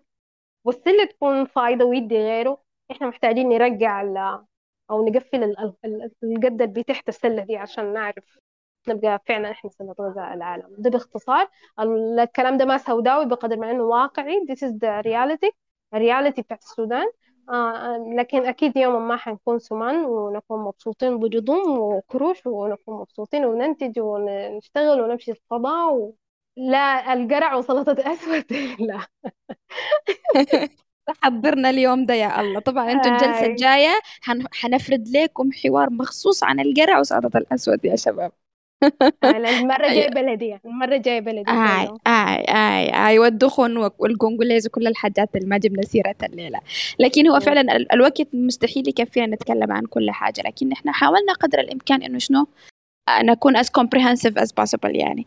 آه إسلام أنا ما قادرة أشكرك صراحة يعني. أنت قدر ما آه خوفتينا وشيلتينا الهم لكن فتحنا عيوننا. إحنا إحنا قاعدين نكون أوعى الآن إنه نحن عندنا مشكلة حقيقية. أنا في بيتنا ممكن ما عندي المشكلة دي لكن أنا ما عارف في بلدي في أماكن تانية عندهم المشكلة دي. فإحنا كلنا نفتح عيوننا كلنا نكون عندنا وعي كلنا يكون عندنا دراية. ففعلا شكرا لك بجد يا إسلام. آه تحبي تقولي خاتمة قبل ما شكرا لك يا تسنيم شكرا لحارش شكرا لكم كلكم المعي في كنتم مشاركين آه جدا جدا سعيدة بأنه أنا كنت معاكم. جد ما بجامل. بس صوتي يا إخوانا. وبكرة يديك العافية تعبتي. بكرة دي دوام لكن صدقوني أنا متأكدة حجي حيكون بيناتنا كلام تاني آه نقاش تاني. آه وإن شاء الله إن شاء الله إن شاء الله. آه يعني أنا ما كنت أتمنى ما أكون ثقيلة عليكم ومتقلت عليكم الليلة في الكلام. ابدا بالعكس بالعكس. و... انت انت ممكن بس ما كنت منتبهة للنصية لكن كمية الحماس والتفاعل اللي كان معاك يعني. أي والله شكرا لكم جدا ونلتقي في جلسات قادمة بإذن الله. بإذن الله بإذن الله. يديك العافية وسلام عليكم يا شباب. وعليكم